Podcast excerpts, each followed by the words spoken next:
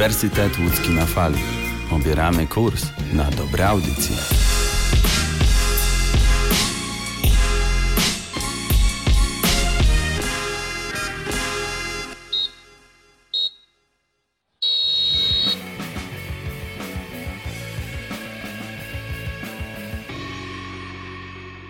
Damian Markowicz, witam wszystkich sympatyków piłki kopanej. Przerwa reprezentacyjna wcale nie musi być nudna, co postaram się udowodnić w dzisiejszym wydaniu audycji po piłkarsku, czyli podcastu w pełni poświęconego piłce nożnej. W dzisiejszym wydaniu podejmę się omówienia ostatniego spotkania towarzyskiego biało-czerwonych z Ukrainą. W późniejszej części wspomnę nieco szerzej o innych rozegranych przez ostatni tydzień meczach, a na nadchodzącym bardzo wielkimi krokami spotkaniu z Włochami zakończę. Mam nadzieję, że miło spędzicie czas słuchając mojego wymądrzania się. Na koniec audycji również będzie ważne, zdaje mi się, miłe ogłoszenie, więc słuchajcie uważnie. A na ten czas zapraszam Was na chwilę relaksu z muzyką we Waszych uszach.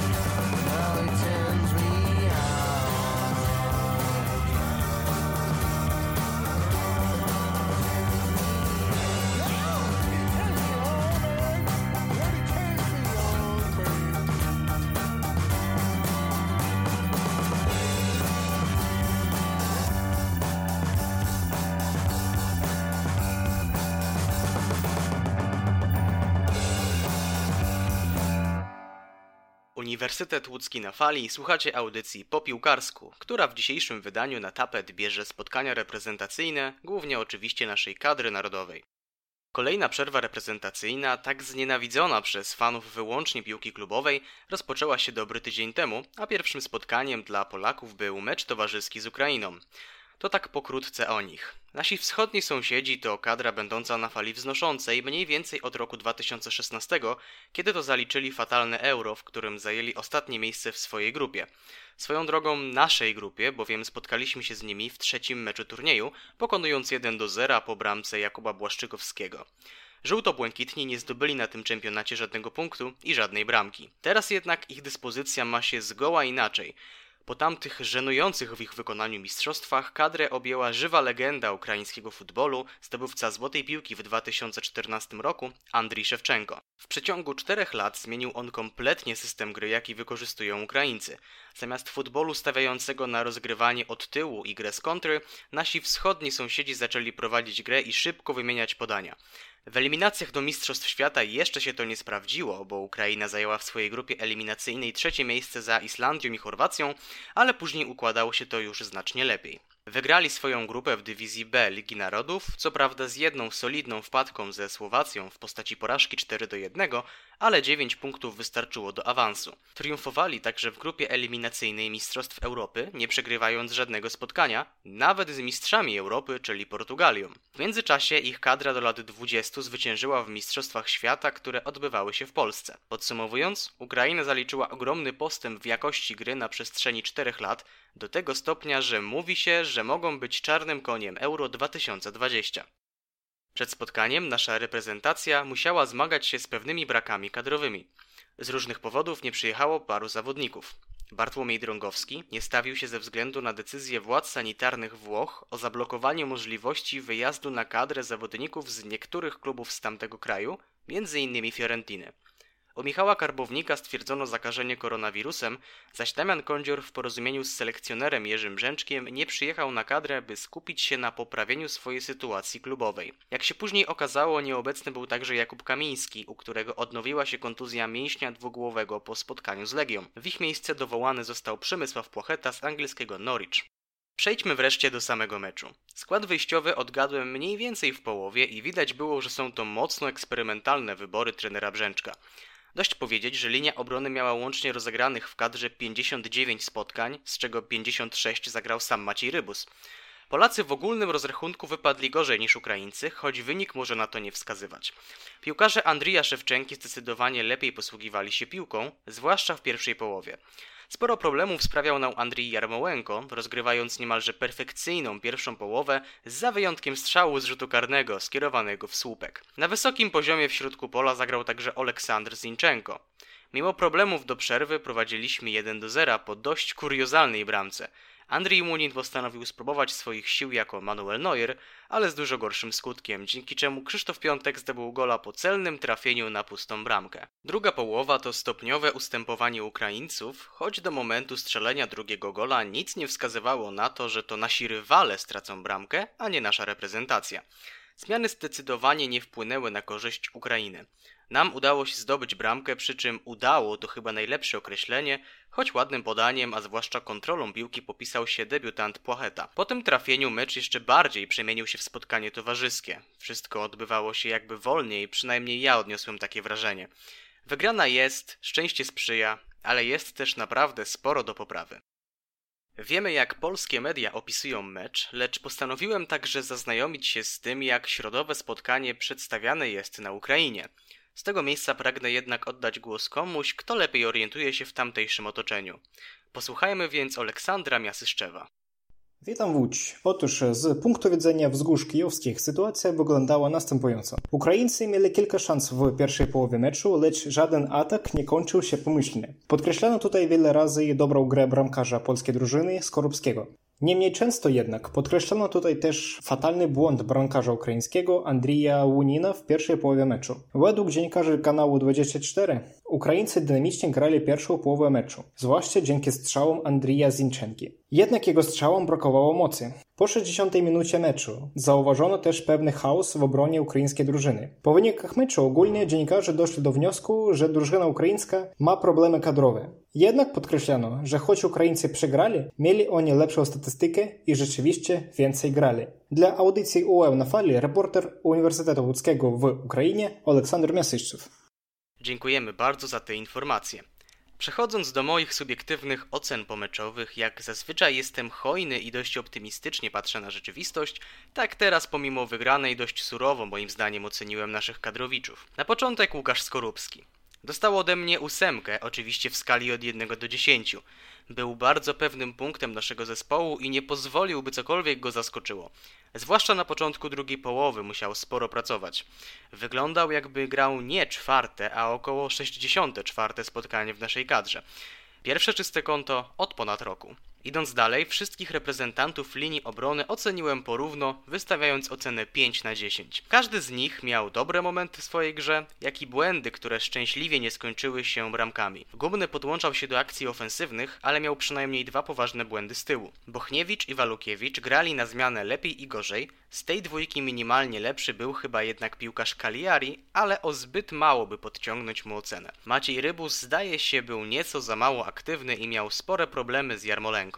W środku pomocy wyróżnił się Jacek Góralski, choć nie było to aż tak dobre spotkanie popularnego Jacy, jak na przykład z Bośnią i Hercegowiną. Szóstka dla niego. Słabo wypadł Mateusz Klich, po którym chyba każdy spodziewał się więcej, zwłaszcza mniej głupich strat.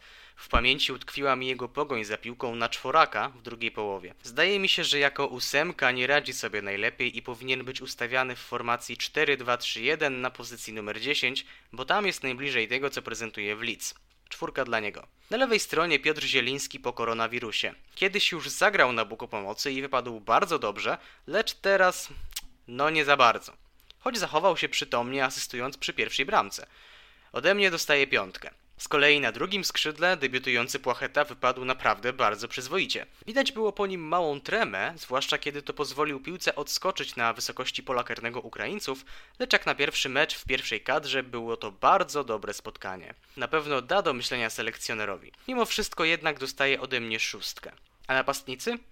Tutaj byłem zaskakująco łagodny dla nich, gdyż Arkadiusz Mielik dostał 5, a Krzysztof Piątek 6. Niemniej jednak widać było niemałą niemoc w ofensywie w przypadku tych dwóch zawodników. Zmiennicy zostali ocenieni naprawdę różnie. Najlepiej wypadł Kamil Jóźwiak, który wniósł ożywienie w szeregi Polaków i również podobnie jak Płacheta odważnie szedł do przodu z piłką. Szóstka dla piłkarza derby. Jakub Moder, który zdobył dla nas drugą bramkę, po jej strzeleniu jakby zgasł, ale mimo wszystko dostał ode mnie szóstkę. Najgorzej z rezerwowych wypadł Karol Linetty i tu się przyznam, że naprawdę nie pamiętam, by od momentu wejścia na boisko miał piłkę choć raz przy nodze. Oceniam go na cztery. Arkadiusz Reca, Bartosz Bereszyński i Sebastian Szymański grali zbyt krótko, bym mógł ich ocenić. Czy powinniśmy być zadowoleni z tego wyniku? No cóż, z wyniku tak, z gry niekoniecznie. Cieszy fakt, że nawet grając słabo wygrywamy mecze, ale na pewno nikt tak z nami nie zagra na euro. Zauważył to nawet Jerzy Brzęczek, który nareszcie racjonalnie zaczął wypowiadać się o panującej w kadrze sytuacji. Być może poczuł się komfortowo po przedłużeniu kontraktu? A może to sprawka pani Domagalik? Cóż, kto wie. W każdym razie mecz ten miał przetestować paru graczy i w tym aspekcie się sprawdził. Chciałbym z tego miejsca wyjść naprzeciw tym, którzy najchętniej zrezygnowaliby ze spotkań towarzyskich. Nie wiem jak wy, ale ja będąc selekcjonerem wolałbym sprawdzać w meczach o pietruszkę niż w takich, które mogą wymiernie wpłynąć na przykład na rozstawienie, awans czy podobne sprawy. Ale to tylko moja taka dygresja. Rozgadałem się, ale chyba wspomniałem o wszystkim, o czym chciałem. Po przerwie muzycznej podejmę temat innych spotkań reprezentacyjnych, zwłaszcza barażów do Mistrzostw Europy. Daleko nie odchodźcie, wracam już niebawem.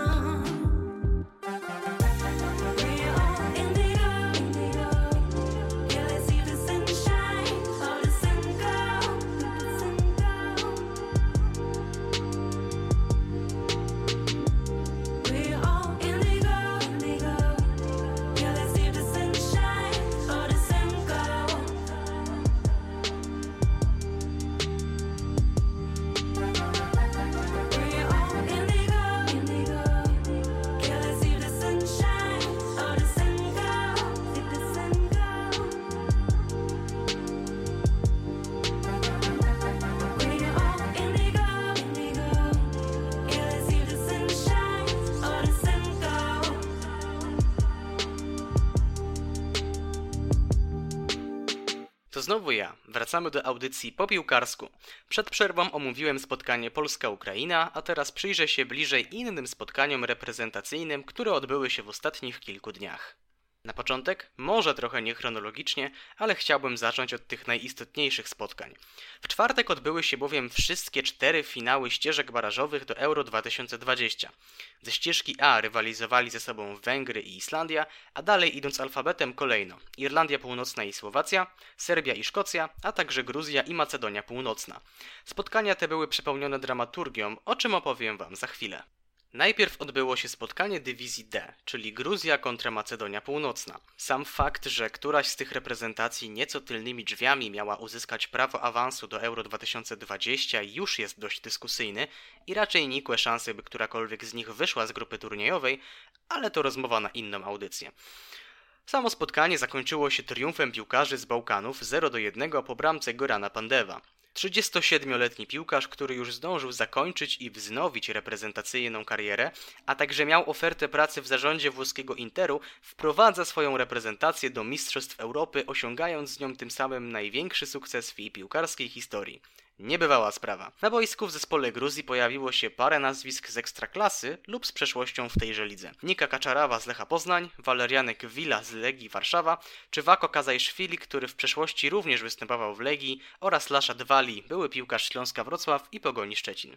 Spotkanie w ramach finału barażu z dywizji C, czyli Serbia-Szkocja, jest jedynym meczem barażowym zakończonym po rzutach karnych. Lepsi w tym starciu okazali się Szkoci, choć przez długi czas wydawało się, że uda im się zatriumfować już w regulaminowych 90 minutach. Na prowadzenie w drugiej połowie wyprowadził ich Ryan Christie, lecz w ostatniej minucie bramkę na 1 do 1 zdobył Lukajowicz. W dogrywce wynik się nie zmienił, a we wspomnianych rzutach karnych lepsi okazali się Szkoci. O ich awansie zadecydował karny Aleksandra Mitrowicza, obroniony przez Dawida Marszala. Szkocki bramkarz tuż po obronie podszedł do sędziego liniowego, by upewnić się, że nie przekroczył linii bramkowej zbyt wcześnie. Szkocja tym samym awansowała na turniej rangi międzynarodowej po raz pierwszy od Mistrzostw Świata w 1998 roku. W zespole Serbii z ławki wszedł obrońca Legii Warszawa Filip Mladenowicz.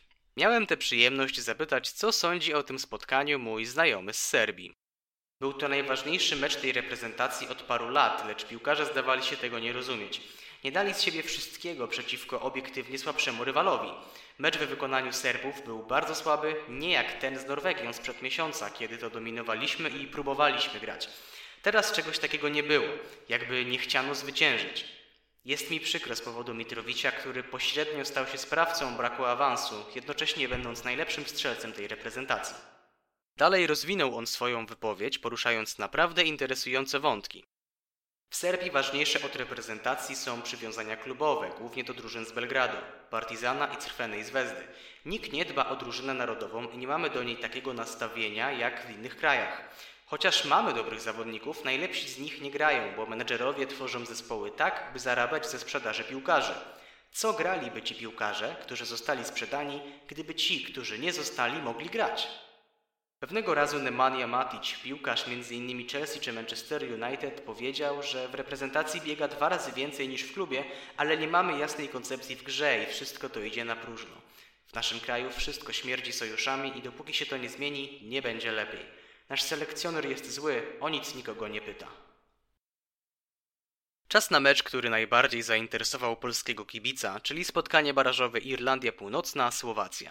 To właśnie z jedną z tych ekip Polska miała zmierzyć się na otwarcie Mistrzostw Europy. Starcie to, choć niewątpliwie emocjonalne, nie obfitowało w porywającą ilość akcji czy strzałów. Obie drużyny starały się raczej przede wszystkim nie przegrać. Na prowadzenie w 17 minucie wyszli Słowacy, a autorem gola był Juraj Kucka. Mecz zdawał się być pod kontrolą tej reprezentacji, lecz za wcześnie zaczęli myśleć wyłącznie o obronie wyniku, co przypłacili golem straconym w 87 minucie. Dodatkowo był to gol samobójczy Milana Szkriniara, piłkarza Interu, który do tego momentu grał bardzo dobre spotkanie i popisał się nawet paroma efektownymi wejściami z piłką na połowie Irlandczyków. Obie reprezentacje czekała więc dogrywka. W niej lepsi okazali się Słowacy, którzy ponownie wyszli na prowadzenie po golu Michała Durisza i błędzie w obronie Johnego Evansa. Było to więc spotkanie, o którego przebiegu zadecydowały wpadki liderów formacji defensywnych obu drużyn. Warto dodać, że dla Stefana Tarkowicza był to pierwszy mecz po objęciu kadry Słowacji. Debiut zdaje się całkiem udany. Cały mecz w defensywie Słowaków zagrał piłkarz Lecha Poznań Lubomir Szatka,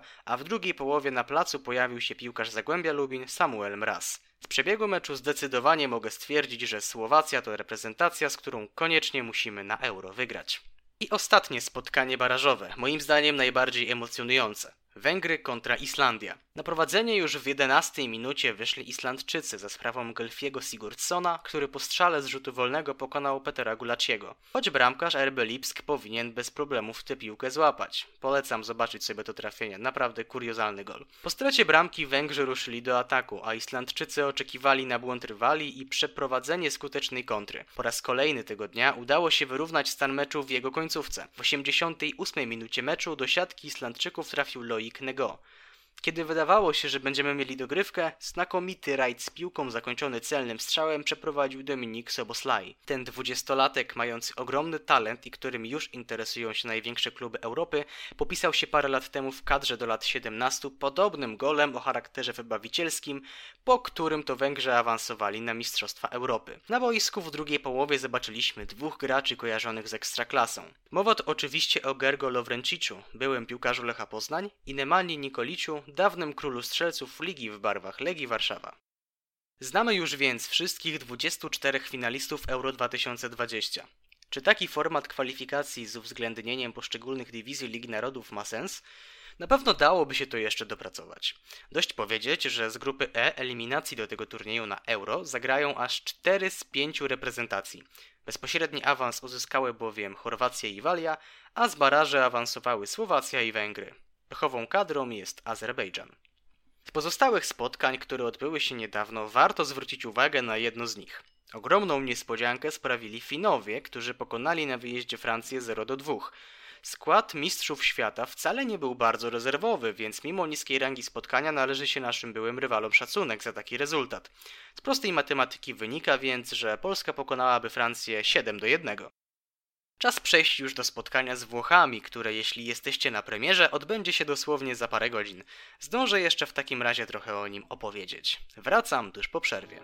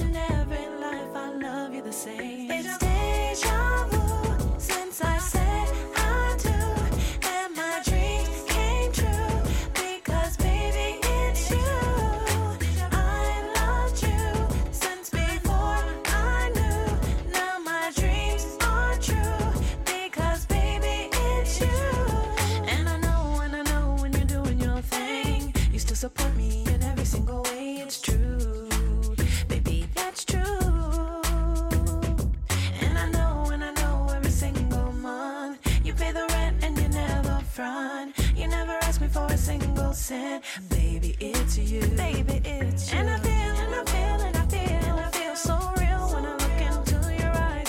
It's you, baby. It's you. And I feel, and I feel, and I feel, and I feel so real when I'm being with you. It's true. In every life, I love you the same.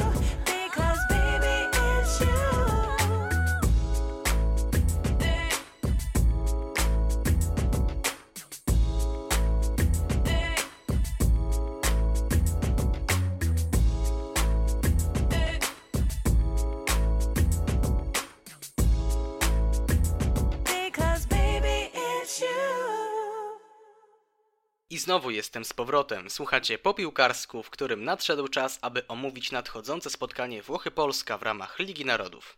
Jak już wspomniałem wcześniej, nastroje po meczu z Ukrainą są raczej mizerne. Włosi również raczej powodów do radości nie mają, choć wygrali 4 do 0 ze Estonią. Rzecz w tym, że nie z wynikami jest problem, a ze składem personalnym. Italia została zdziesiątkowana przez koronawirusa i obostrzenia sanitarne. Z Polską nie będzie mogło zagrać aż 10 zawodników, którzy pierwotnie znaleźli się w kadrze na listopadowe zgrupowanie. Pozytywny wynik testu otrzymał także selekcjoner Roberto Mancini. Tak naprawdę nie da się przewidzieć, jakim składem Włosi rozpoczną to spotkanie. Czego więc oczekiwać od spotkania z Włochami? Moim zdaniem powinniśmy grać o zwycięstwo, a już na pewno zagrać odważniej niż w Chorzowie. Co prawda wówczas moim zdaniem zagraliśmy dobry mecz, który zakończył się bezbramkowym remisem, lecz w sytuacji, gdy nasz rywal cierpi aż na takie braki personalne, czemu mielibyśmy tego nie wykorzystać? Oczywiście wyrazy współczucia dla Włochów, lecz tak naprawdę naszej sytuacji to nie zmienia. Dodatkowo, jeżeli mamy realną szansę na wygranie naszej grupy i awans do turnieju finałowego Ligi Narodów, to zróbmy wszystko, by tak się stało. Spaść z tej dywizji mamy naprawdę małe szanse, więc zaryzykujmy. Zwłaszcza, że w odpowiednich okolicznościach możemy dostać się do pierwszego koszyka w losowaniu grup eliminacyjnych Mistrzostw Świata 2022. Interesują nas wyniki Holandii i Szwajcarii i prawdę powiedziawszy, obie te reprezentacje mogą jeszcze spaść z dywizji A. Oczywiście szanse są na to niskie, ale chociaż my wykonajemy swoją robotę. W przypadku wygrania grupy, turniej finałowy Ligi Narodów odbyłby się w Polsce, co jest kolejnym powodem, by starać się o tę wygraną. W odpowiednich okolicznościach już w niedzielę możemy zapewnić sobie pierwsze miejsce w naszej grupie. Postanowiłem zasięgnąć opinii znajomego mi Włocha pasjonującego się piłką nożną o niedzielnym spotkaniu. Podkreślał on, że przed meczem z Polską panuje pozytywna atmosfera. I tutaj dodam od siebie, że nie chodziło mu o wyniki testów na koronawirusa. We Włoszech jest świadomość posiadania konkurencyjnej drużyny i nawet mimo nieobecności wielu zawodników z podstawowego składu, ktoś z rezerwy może wnieść swój wkład w sukces. Jest to w szczególności zasługa trenera Manciniego, który potrafił przywrócić spokój i optymizm po katastrofie, jaką był brak kwalifikacji na Mistrzostwa Świata w Rosji. We Włoszech oczywiście szanują Polskę jako drużynę, ale jednocześnie mają świadomość tego, że ich reprezentacja wykorzystując maksimum swoich możliwości jest w stanie wygrać z Polską, biorąc pod uwagę różnice w jakości obu zespołów. Przyjrzyjmy się więc potencjalnemu zestawieniu, które może rozpocząć mecz Squadra Azurra. W bramce na pewno wystąpi Wojciech Szczęsny. Jerzy Brzęczyk wspominał o tym na wcześniejszych zgrupowaniach. W defensywie spodziewałbym się czwórki Kędziora, Glik, Bednarek, Bereszyński. Tak, powiecie, że znowu Bereś na lewej obronie i mi też to się średnio podoba, ale na to wskazują posunięcia selekcjonera. Maciej Rybus rozegrał prawie cały mecz z Ukrainą, więc wydaje się, że on ma najmniejsze szanse na występ spośród graczy mogących grać na tej pozycji. Arkadiusz Reca raczej nie jest najlepszym rozwiązaniem na tak silne reprezentacje, więc logicznym wyborem jest właśnie piłkarz Sampdori, zwłaszcza, że ostatni mecz z Italią jako lewy obrońca miał już całkiem dobry.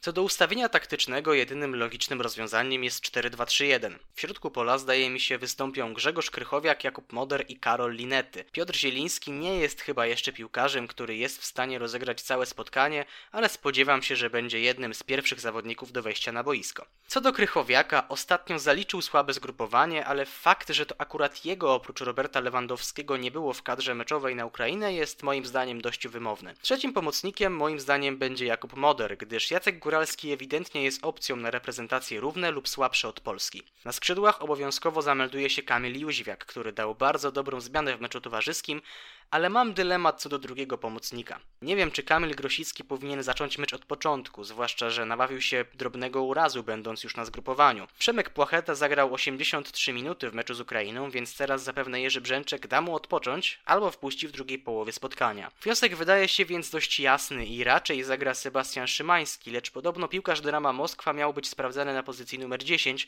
więc niewykluczone, że właśnie tam zostanie ustawiony zamiast któregoś ze środkowych pomocników, moim zdaniem Jakuba Modera, który jest bardzo eksploatowany ostatnimi czasy. Obstawiałbym jednak te rozwiązanie jako ewentualność w drugiej połowie na jakieś powiedzmy 20 minut, ze względu na małą ilość skrzydłowych w kadrze. Napastnikiem będzie oczywiście Robert Lewandowski, co do tego nie mam wątpliwości, tak jak co do tego, że murawa jest zielona, a na stadionie śląskim dodatkowo śliska. Podsumujmy więc mój przypuszczalny skład. Szczęsny, Kędziora, Glik, Bednarek, Bereszyński, Krychowiak, Moder, Szymański, Linetty, Jóźwiak, Lewandowski. Zobaczymy, ile tym razem uda mi się odgadnąć. Jest to kolejny mecz, w którym logika ściera mi się z moim optymistycznym podejściem do futbolu i nie pozwala mi to klarownie wytypować wyniku spotkania.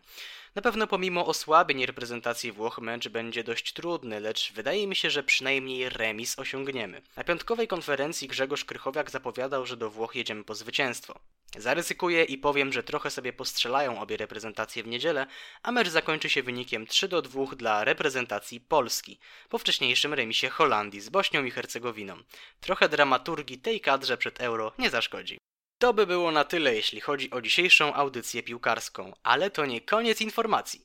Jak zapowiadałem, mam dla Was pewną niespodziankę i czas ją ujawnić. Mianowicie, jak wiecie, już w przyszłym tygodniu rusza sezon skoków narciarskich, których jestem wielkim fanem.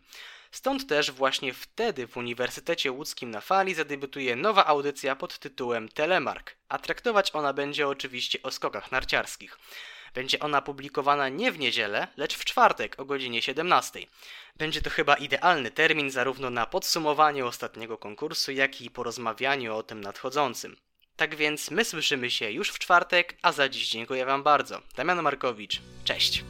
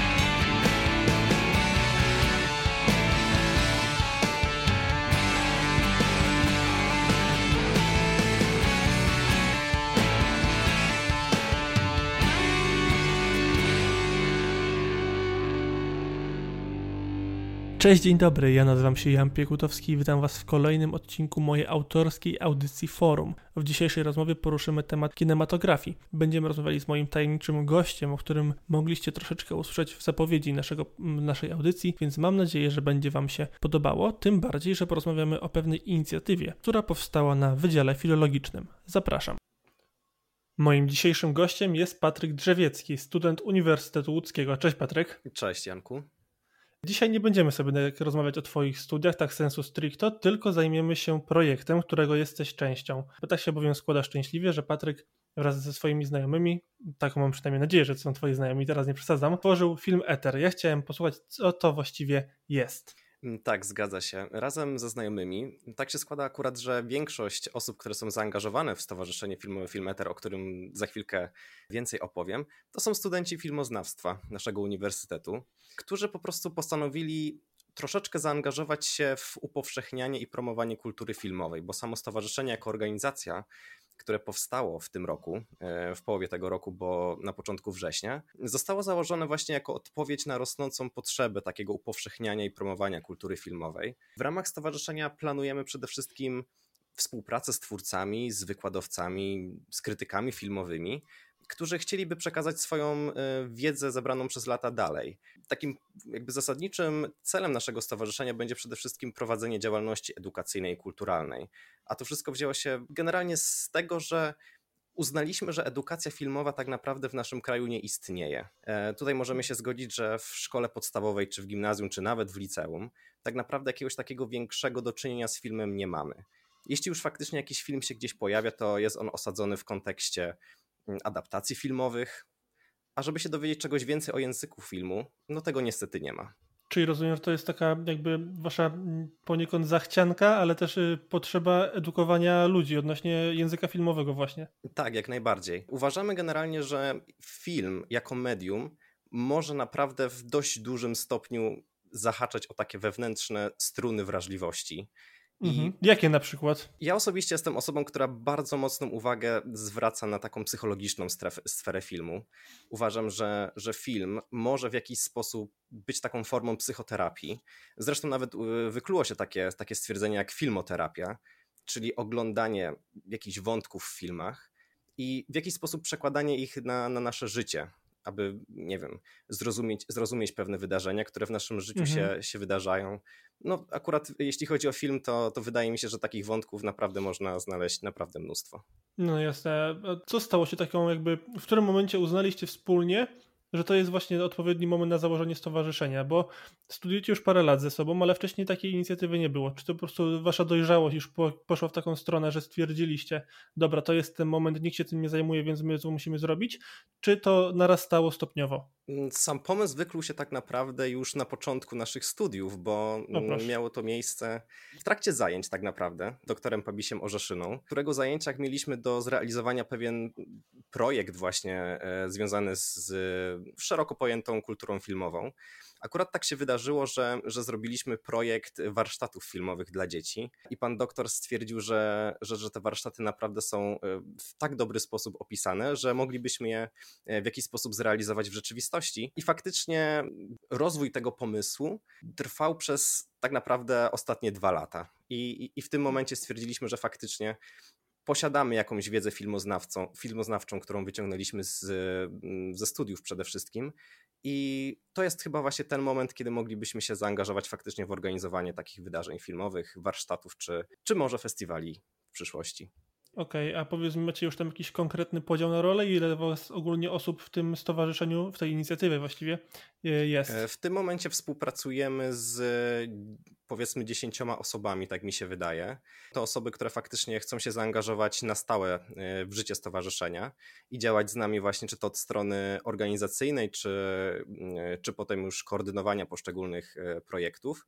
Mm, poza osobami, które, które są w stowarzyszeniu, współpracujemy także z twórcami tekstów, jeśli mogę tak powiedzieć, którzy chcieliby publikować właśnie jakieś swoje felietony, eseje czy, czy teksty mhm. krytyczne mhm. na stronie internetowej naszego stowarzyszenia. Więc w tym momencie osób, które, które są zaangażowane w stowarzyszenie Film Ether jest gdzieś koło 20 łącznie, myślę. Okej, dobrze zrozumiałem, że wy macie jakby taki otwarty nabór, tak? To znaczy cały czas można do was dołączyć, tudzież współpracować. Tak, zgadza się. W tym momencie prowadzimy taki stały nabór właśnie na autorów tekstów, którzy, którzy chcieliby publikować e, teksty, które gdzieś tam kiedyś napisali i włożyli być może e, do szuflady. I takie teksty faktycznie chcielibyśmy publikować na naszej stronie internetowej czy na fanpage'u na Facebooku. Ale oczywiście, gdyby ktoś chciał się faktycznie zaangażować w stowarzyszenie od środka, czy to w formie wolontariatu, czy, czy praktyk, czy, czy, czy może faktycznie wchodząc już w nasze stowarzyszenie, to także takich osób szukamy, bo w tym momencie mamy zaplanowanych kilka wydarzeń e, na przyszły rok, więc rąk do pracy tak naprawdę przyda się mnóstwo.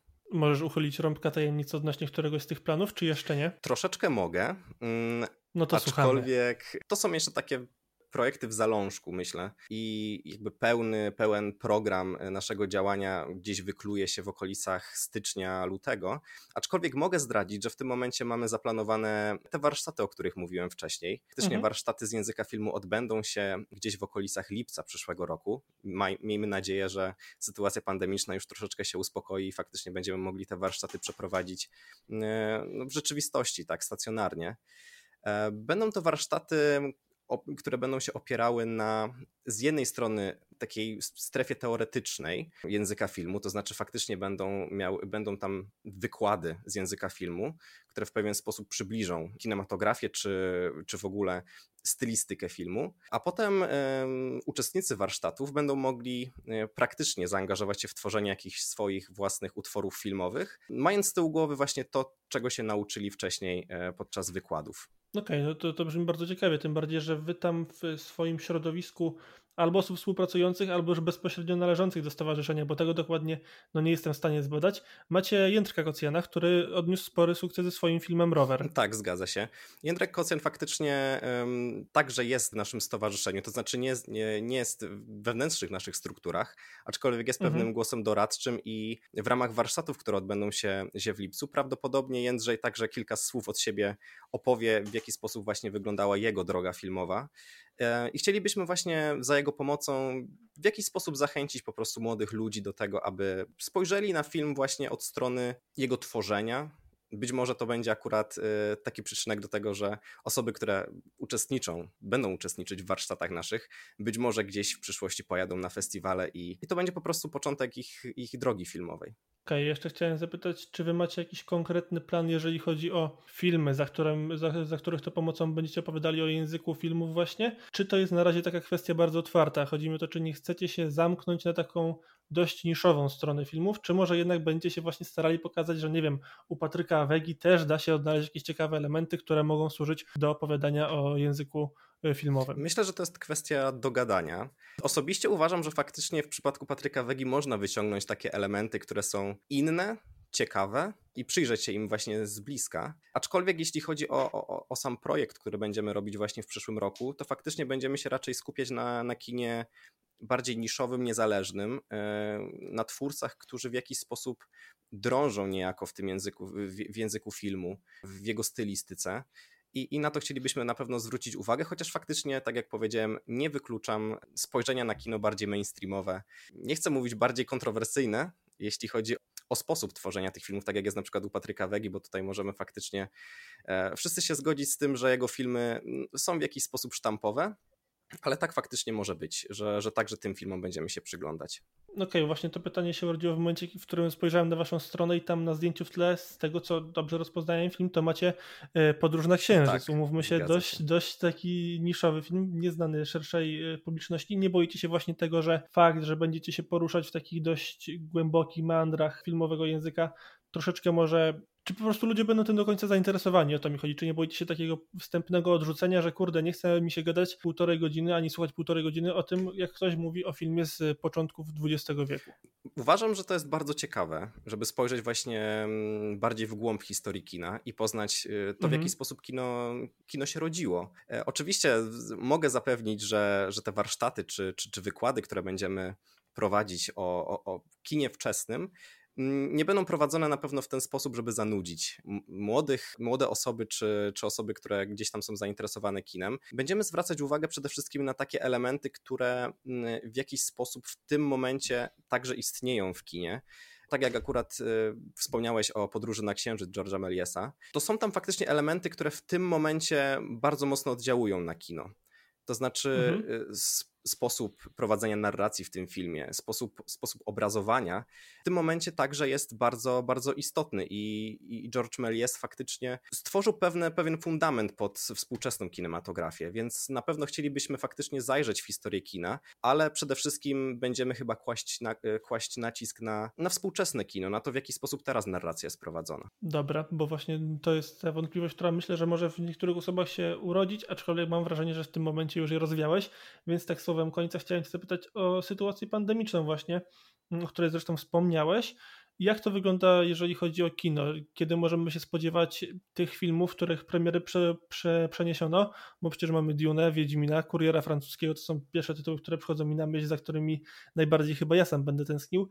Są jakieś newsy odnośnie tego, kiedy można się spodziewać właśnie tych filmów i pozostałych? Ja mam wrażenie, że to jest wszystko bardzo płynne i, i zależy od tego, w jaki sposób pandemia się będzie rozwijała. E, Wydaje Mhm. mi się, że teraz newsy dotyczące szczepionki, która faktycznie mm, powoli będzie wchodziła na rynek, mm, Wydaje mi się, że to przyspieszy pojawianie się nowych filmów w kinach. Z tego co kojarzę, to najwięcej problem, problem z kinematografią współczesną w, w, obliczu, w obliczu pandemii jest taki, że faktycznie tych premier nie ma i dlatego kina świeciły pustkami przed zamknięciem.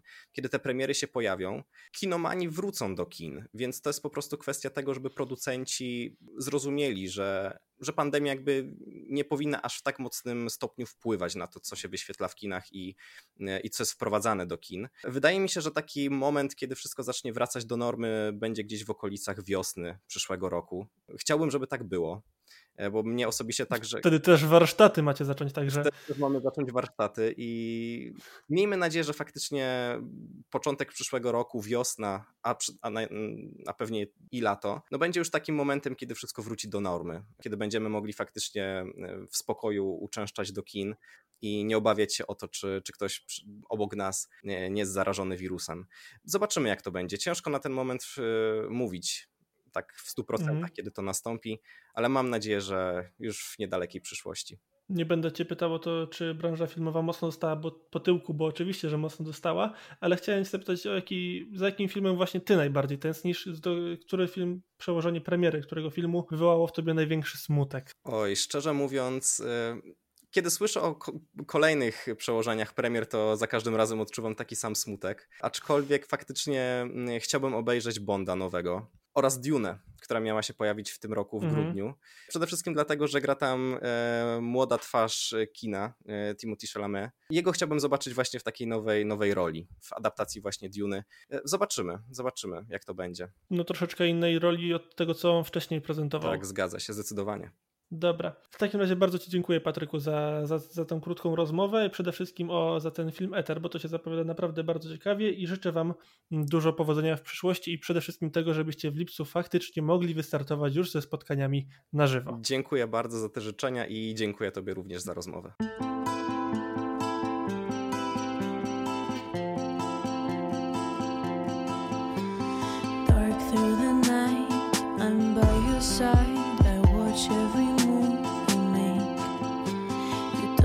Have to fight,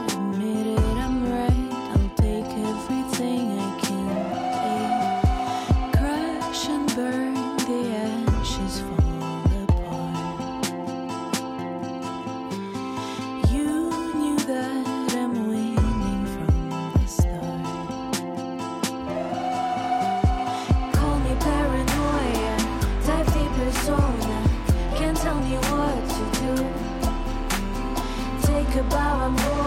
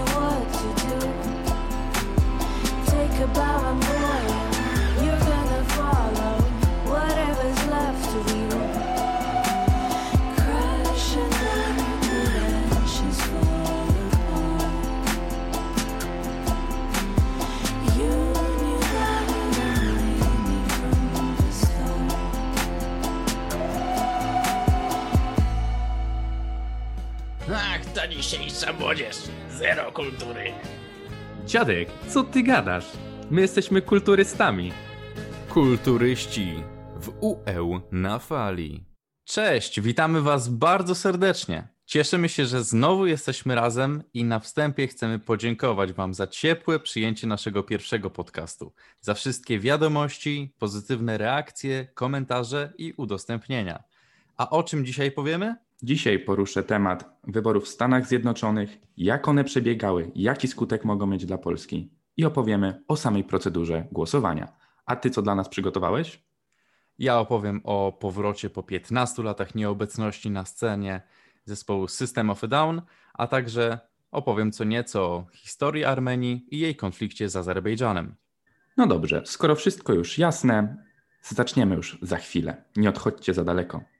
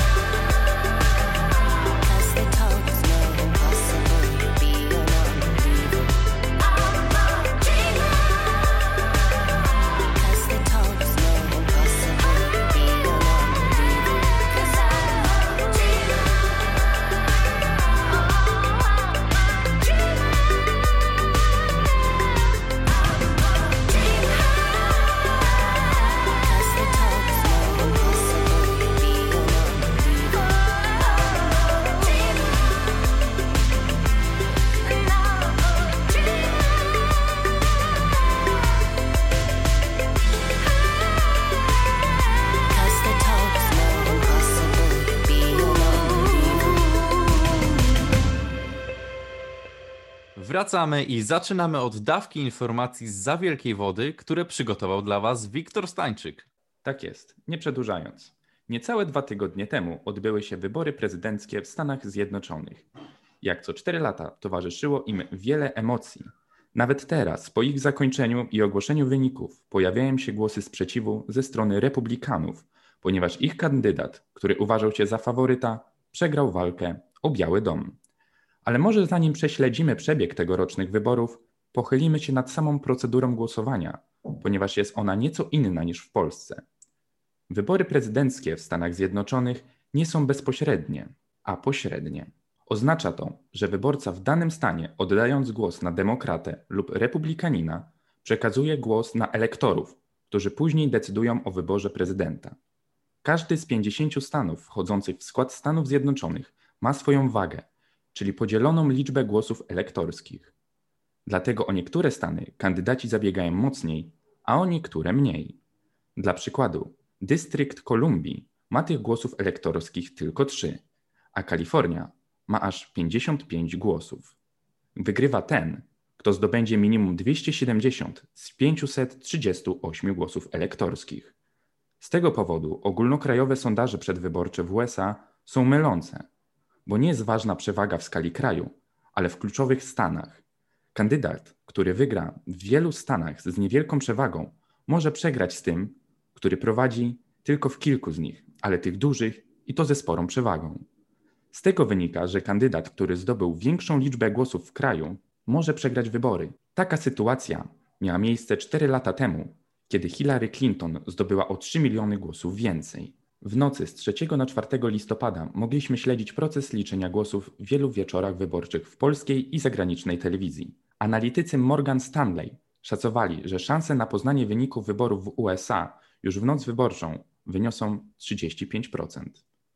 O godzinie 24 polskiego czasu zamknięto pierwsze lokale wyborcze w Indianie i Kentucky. Przez kolejne godziny zamykano kolejne, a my mogliśmy śledzić słupki wyborcze z pozycji kanapy lub biurka.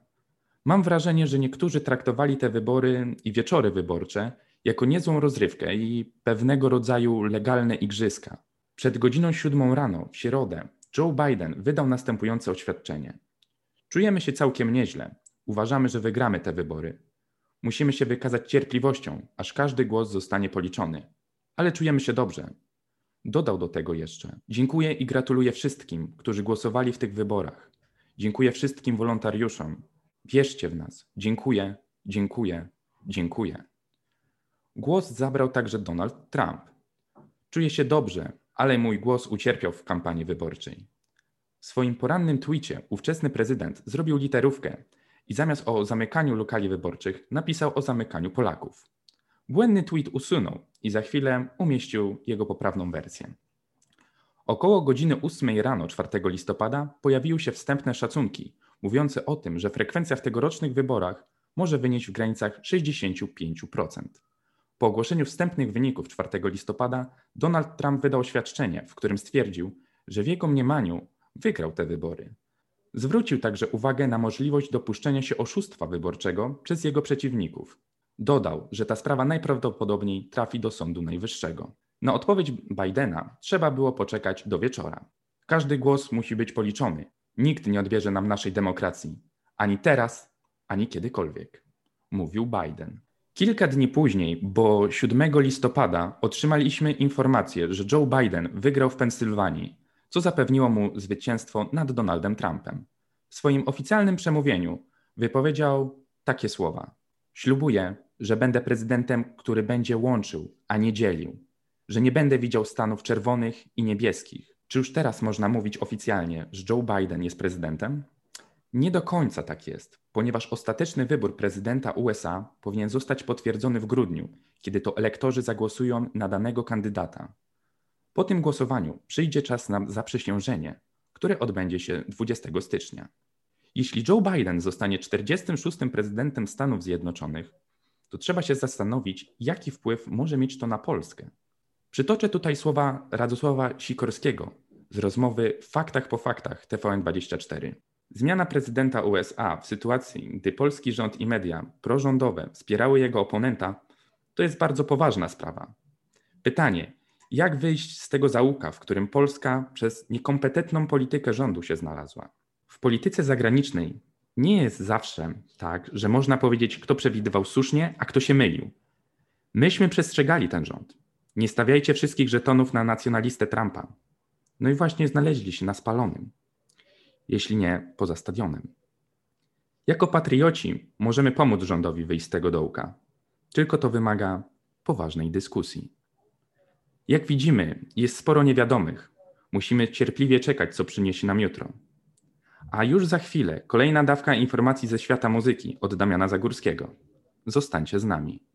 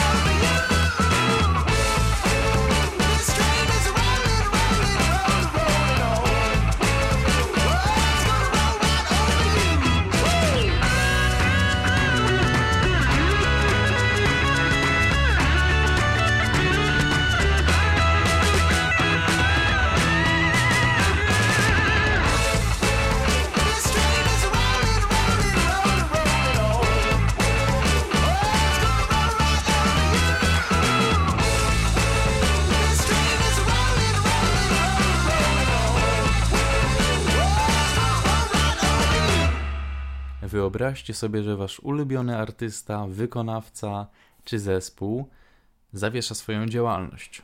Po 15 latach nieobecności na scenie wraca. Ja tak mam. System of a Down powrócił 6 listopada z dwoma nowymi utworami: Protect the Land i Genocidal Humanoids. Może zacznę od tego, yy, czym jest System of a Down. Jest to amerykański zespół rockowo-metalowy założony w 1994 roku przez ormiańskich muzyków Serge'a, Darona, Johna i Shavo. Najpopularniejsze hity to utwory takie jak Toxicity, Chop Suey, B.I.O.B. czy nieco spokojniejszy Lonely Day. Od siebie dodam tak na marginesie, że to co najpopularniejsze wcale nie musi być najlepsze, ale dobra, wracamy do zespołu. Cztery lata po założeniu, czyli dla sprecyzowania w 1998 roku, zadebiutowali wydając swój pierwszy album self-titled, czyli System of a Down. Album ciężki, muzyka dzika, taka jak miała być. Sam Daron Malakian mówił, że to miała być muzyka, która wywróciłaby klub, w którym grają do góry nogami. 2001 rok przyniósł album Toxicity, na którym znajdziemy najbardziej znane utwory. Rok później premierę miała trzecia płyta Steal This Album, a w 2005 roku na świat przyszły dwa albumy Mesmerize i Hypnotize. Z mojej strony mogę dodać tyle, że kocham ten zespół, ale muszę przyznać, że czy egzekwo czy nie, to na pierwszym miejscu u mnie jest Mesmerize. Ale dobra, wróćmy do samego zespołu. Skończyło się na 2005 roku i długo, długo nic. Muzycy nie mogli się ze sobą dogadać, co do dalszej współpracy, rozpoczęli swoje solowe projekty, zajęli się czym innym i tak było do dzisiaj. Do 2020 roku, w którym powrócili po 15 latach swojej nieobecności jako zespół. Powrócili 6 listopada. O tym już wspomniałem. Ale jak do tego doszło i co skłoniło członków zespołu do zjednoczenia się i wejścia do studia? I tutaj zacznę od przybliżenia sytuacji politycznej w tej części Azji, gdzie znajdują się terytoria Armenii, Turcji i Azerbejdżanu. Nie będzie to nudny wykład o historii, mam nadzieję, ale wspomnę o paru istotnych punktach z przeszłości, które pomogą nam nieco bardziej zrozumieć sytuację.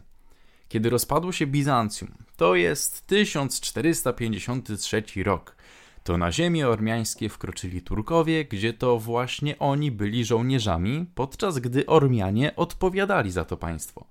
Turkom się to nie spodobało, chcieli mieć pieniądze. A kto miał pieniądze? Ormianie. I to właśnie oni zostali nazwani wrogami państwa. Od dawien dawna spory toczone były o terytorium. Świat nie pamięta, kiedy było wszystko jasne, bez konfliktów yy, i tak dalej. No. Zresztą dochodziło po drodze do starszych, yy, do strasznych aktów, takich jak rzeź Ormian, która jest uznana za pierwsze ludobójstwo nowożytne, do którego dopuściła się właśnie armia turecka na ludności ormiańskiej w latach 1915-1917. Ale skupmy się na tym, co teraz. Kolejny konflikt zbrojny między Armenią i Azerbejdżanem w rejonie Nagorno-Karabach, także zwanym Artsach, rozpoczął się 27 września bieżącego roku. W przeważającej większości jest zamieszkiwany przez Ormian. To terytorium jest zamieszkiwane przez Ormian i stanowi mm, miejsce sporne pomiędzy wcześniej wymienionymi przeze mnie państwami. Formalnie na arenie międzynarodowej jest on postrzegany jako część Azerbejdżanu, no ale właśnie. W rzeczywistości należy do Republiki Górskiego Karabachu, będącej krajem nieuznawanym przez żadne państwo na świecie. Jak możemy przeczytać na portalu natemat.pl, rano 27 września Azerbejdżan otworzył ogień rakietowo-artyleryjski i wykorzystał drony, uderzając w miejscowości i obiekty infrastruktury, w tym stolicę Stepanakert.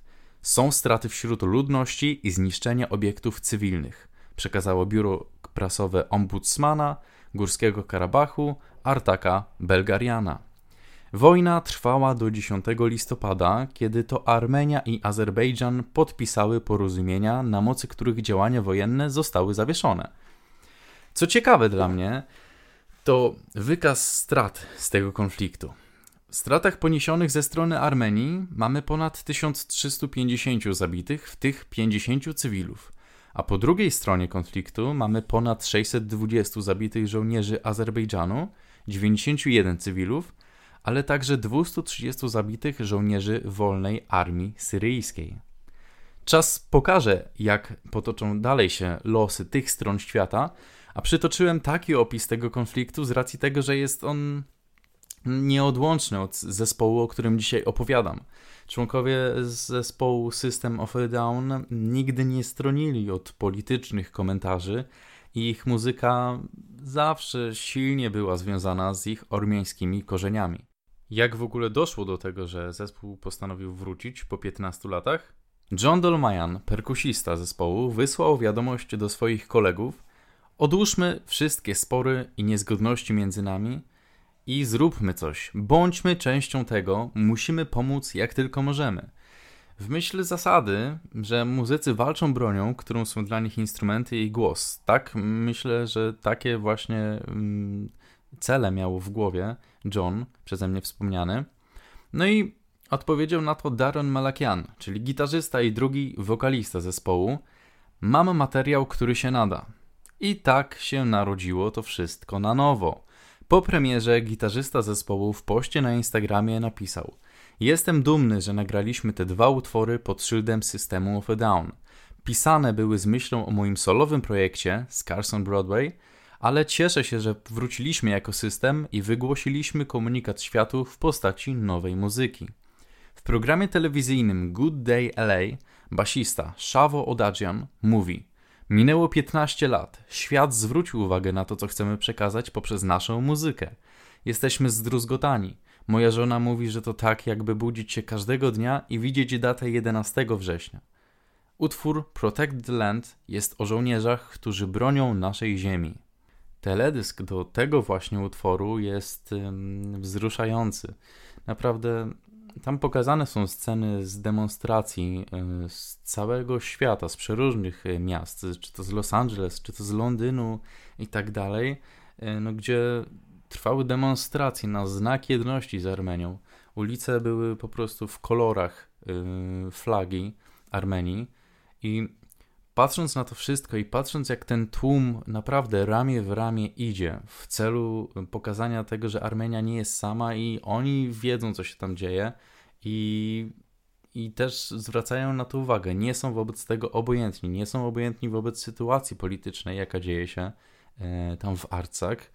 Wiem, że nie powinienem e, porównywać tego obrazu do naszego podwórka polskiego, no bo przecież w Polsce żadnego konfliktu zbrojnego nie ma, ale na ulicach walka trwa. No, walka trwa o wolność i o prawa w ogóle wyboru, tak? Mm, Też ulice polskich miast y, były zalane kolorami biało-czerwonymi, bo flagi powiewały nad protestantami. W- Ulice były po prostu mm, aż, aż bły- błyszczały po prostu bielą i czerwienią.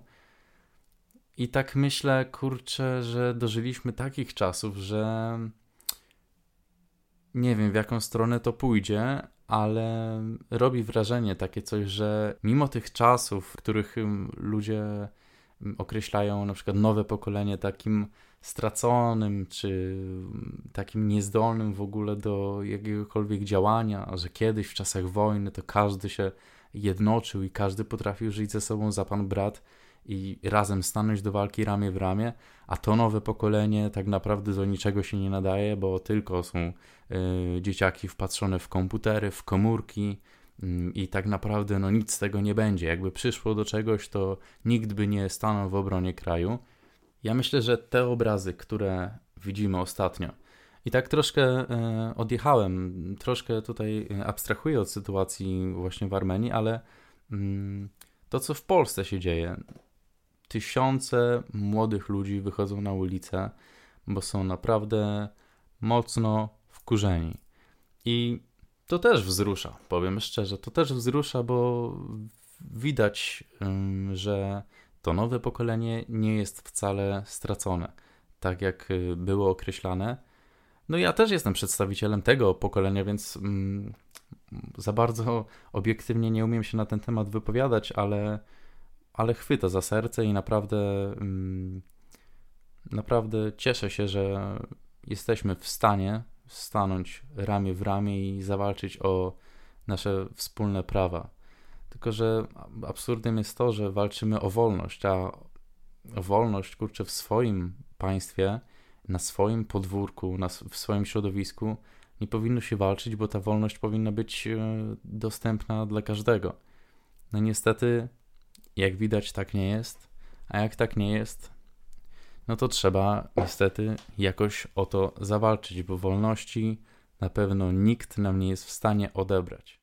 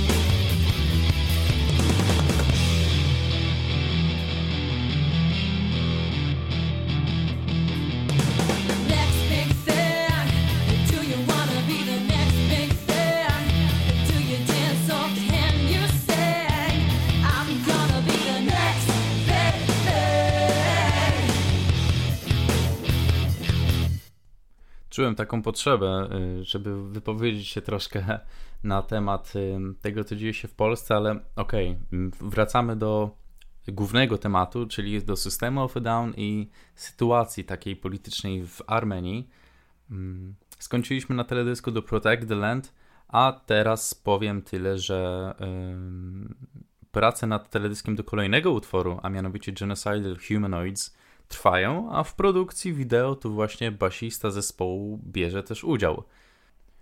Taki prezent, chociaż no określenie prezent yy, myślę, że nie jest dobre, no bo powrót tego systemu ym, ma też, yy, niesie ze sobą wiadomość, to nie jest tak, że wracają sobie i publikują dwa nowe utwory, słuchajcie, tu będzie zaraz album, yy, tu będzie trasa koncertowa, no bo mamy takie czasy, że trasy koncertowej żadnej nie będzie, bo jest pandemia, a ten powrót też jest troszkę osłodą 2020 roku, no ale osłodą przez łzy, no bo wracają z powodu y, tego, jak w Arcach ma się sytuacja z powodu y, konfliktu zbrojnego i wracają, żeby obudzić troszkę ludzi i zwiększyć świadomość tego, co się dzieje w tamtych stronach świata. No, zobaczymy, do czego to dojdzie, ale wiemy, że no już 10 listopada zostały podpisane te pokojowe dokumenty. Sytuacja jest na tyle dynamiczna, że tak naprawdę jutro możemy się obudzić i możemy dowiedzieć się czegoś nowego, że sytuacja poszła w tę stronę albo w tę stronę. Ja naprawdę trzymam dwa palce w górze za pokój i mam nadzieję, że do konfliktów już nie dojdzie. Ale wracając do muzyki ogólnie. Zawsze sobie ją ceniłem, nie tylko za to, że jest biletem do innego świata i ze słuchawkami na uszach czy przy głośnikach możemy przenieść się w swój inny, lepszy świat, ale także za to, że swoją treścią niesie ze sobą jakąś wiadomość. Komunikat, apel, zwiększa świadomość, jest upustem emocji dla artysty, a dla nas jako odbiorców jest możliwością popatrzenia na świat z perspektywy kogoś innego. Wielu ludzi uważa, że muzyka rockowa, metalowa, punkowa to krzyk, hałas i rozruby. Nawet muzykę punkową określano mianem trzy akordy darcie mordy. No, ale powiem tak, są tematy, które trudno byłoby poruszać tupiąc do tego nóżką, czy bujając się do techniawki. Ale tu też muszę coś dodać bardzo ważnego. Ja tak, no nie mam nic przeciwko żadnemu gatunkowi muzyki i dla mnie kurczliwe trzymanie się podziału na gatunki, czy zamykanie się tylko i wyłącznie na jeden gatunek, a jak ktoś słucha czegoś innego, to jest w ogóle bezguściem i nie ma prawa się wypowiadać na temat muzyki. No nie. To, że ktoś się zamyka na jeden gatunek, to jest znakiem tego, że ktoś ma naprawdę zamkniętą głowę. Tak nie powinny istnieć podziały w muzyce, bo muzyka powinna łączyć, a nie dzielić, tak jak i nie powinny istnieć podziały w społeczeństwie. To są moje słowa o mnie, ale wracając, to porównam muzykę do fragmentu z Małego Księcia.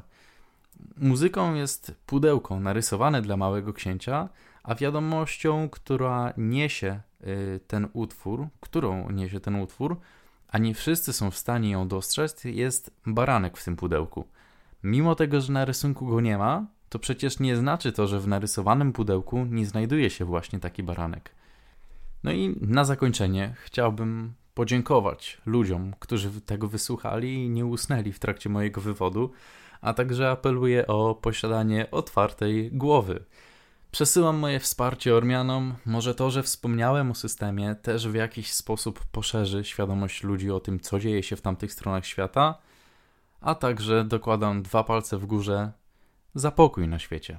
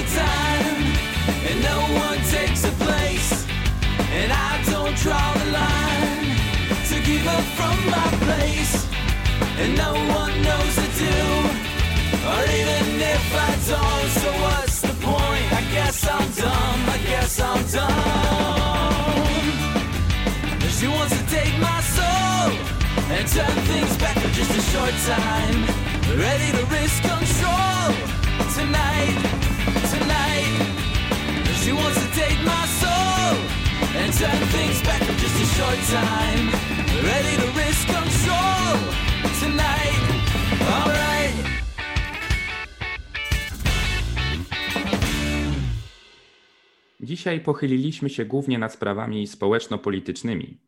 Jednak na koniec naszej audycji chcielibyśmy Wam zostawić dobre słowo na nadchodzący tydzień. Cytat pochodzi z jednego z utworów zespołu Tilt, a brzmi tak: Jeszcze będzie przepięknie, jeszcze będzie normalnie. I tego Wam i sobie życzymy, żeby w końcu było normalnie. Ze swoich pokoi żegnają się z Państwem Wiktor Stańczyk i Damian Zagórski. Do usłyszenia.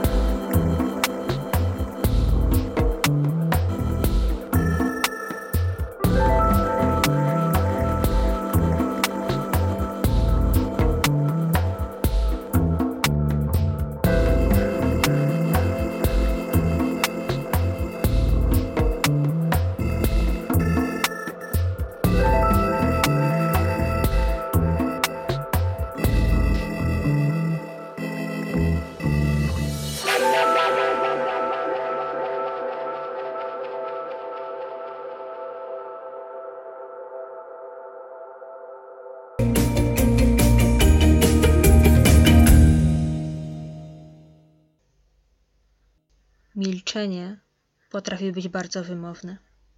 Sam Julian Tuwim stwierdził, że milczenie to tekst, który niezwykle łatwo jest błędnie zinterpretować. Ale czy milczenie potrafi być sztuką? Z tej strony Aleksandra Łabęcka, studentka produkcji teatralnej, a zarazem wielka entuzjastka radiowa. Zapraszam Państwa do audycji o tytule Tu jest jakby luksusowo, czyli na podcast o tematyce kulturalnej, o zapierających dech w piersiach filmach, zachwycających książkach i inspirujących cytatach, a przede wszystkim o luksusowych wnętrzach, tych ludzkich wnętrzach. Skoro już podjęłam temat milczenia, teoretycznie powinnam teraz przestać mówić, a z tego podcastu wybrzmiałaby jedynie cisza odbijająca się od ścian. I też każdy z Was miałby z tego inną interpretację. Jednak o sztuce milczenia niewiele się mówi. Na tym polega cały paradoks. Mówić o milczeniu. Uważam, że dobry mówca najpierw musi nauczyć się dobrze milczeć. I znów kolejna plątanina. Milczeć? No dajcie spokój, każdy umie milczeć. Wystarczy nie otwierać ust. No dobrze, nie otwieraj ust, ale otwórz umysł. Zobaczysz, jakie to ciekawe. Każdy z nas przynajmniej raz był w takiej sytuacji, kiedy to cisza była ogromnym ciosem. Wtedy nagle wydaje się niezręczne milczenie. Wertujemy w myślach różne tematy. O czym tu teraz mówić? O pogodzie? Nie, nie, za błahe. O dobrym filmie? Jeju, co ja ostatnio oglądałam? A może coś o tej nowej reklamie z tym sławnym aktorem? A nie, nie, nie. To już mówiłam. Co tu by... Co tu by powiedzieć? Mamy jednak także takie osoby, przy których dobrze jest milczeć. Nieodzywanie się z kontynuowaniem rozmowy. Po prostu. Siedzimy i nie męczymy się. Nie szukamy nowych tematów, nie potrzebujemy się ciągle zaskakiwać. Jest też inna sztuka milczenia, oznaczająca wysłuchanie, zrozumienie. Trafiłam niedawno na jakiś artykuł o tym, że skala osób, które nie potrafią wysłuchać, a same czekają, aż mogą się wypowiedzieć tylko na interesujący ich temat, jest olbrzymia. Szokująca. Już pół biedy, jeśli człowiek nie umie słuchać, ale przynajmniej umie dobrze mówić. Utarł się już zwrot sztuka słowa. Piękne mówienie, czysta retoryka. Ale nie każdy jest cyceronem. Nie oszukujmy się. Dlatego zawsze podziwiałam osoby, które ze swoimi mowami po prostu płynęły. Każde słowo było wypowiadane z taką pasją, z taką inspiracją. Jednak o wiele częściej spotykam ludzi, z ust których leci szambo, a nie fiołki. Ciężko jest dobierać słowa. Starać się mówić z nienaganną manierą i mądrością. Ale wielkie mowy podbijały serca, myśli, a nawet państwa. Może nie tylko tyle co mowy, ale osoby, które je wygłaszały. Czytałam kiedyś książkę o znanych mówcach i ich mowach. Lincoln, Jan Paweł II, Churchill, wiele znanych osób.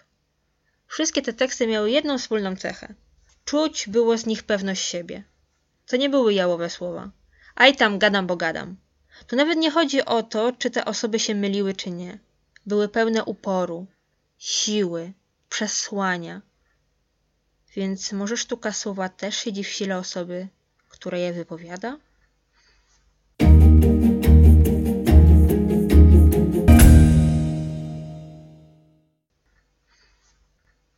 Mów do mnie jeszcze. Za taką rozmową tęskniłem lata. Każde twoje słowo, słodkie w mym sercu wywołuje dreszcze. Mów do mnie jeszcze. Mów do mnie jeszcze. Ludzie nas nie słyszą. Słowa twe dziwnie poją i kołyszą, jak kwiatem, każdym słowem twym się pieszczę. Mów do mnie jeszcze. Kazimierz Przerwa-Tetmajer w punkt tutaj pokazał, jak ważna, jak piękna jest mowa. Słowa, które ze swym pięknem niosą szczere emocje, nienasycenie drugą osobą. Ile to mów, wierszy i piosenek stworzono na przestrzeni wieków. Sztuka słowa, sztuka mówienia. Burzą się mury, ludzie zakochują się, w sercu nadchodzi wiosna. Słowa mogą wszystko. Wszystko. ale myślę, że powinno się tutaj także powiedzieć o tym, jak to działa w filmach. Niezwykle trudno jest przenieść codzienne rozmowy na ekran, aby to wyglądało naturalnie. Uważam, że mistrzem tego typu scen jest Quentin Tarantino. Tylko u niego temat masażu stóp może wyglądać tak zwyczajnie w swojej niezwyczajności. O ile tak to mogę ująć. Ale często jest też tak, że aktor ma do powiedzenia cudowny tekst. Tyle, że nie może pozbyć się swojej sztuczności. Szlak trafił wielką mowę. Nie da się okłamać siebie, ani także widzów. Właśnie, propos kłamstwa. Czy kłamstwo też może być sztuką? Nie, żebym kogoś do tego zachęcała, ale myślę, że ludzi też można podzielić na tych, którzy potrafią to robić i na tych, którzy raczej powinni unikać kłamstwa, po prostu im to nie wychodzi. Badania psychologiczne dowiodły, że kłamiemy średnio dwa razy dziennie.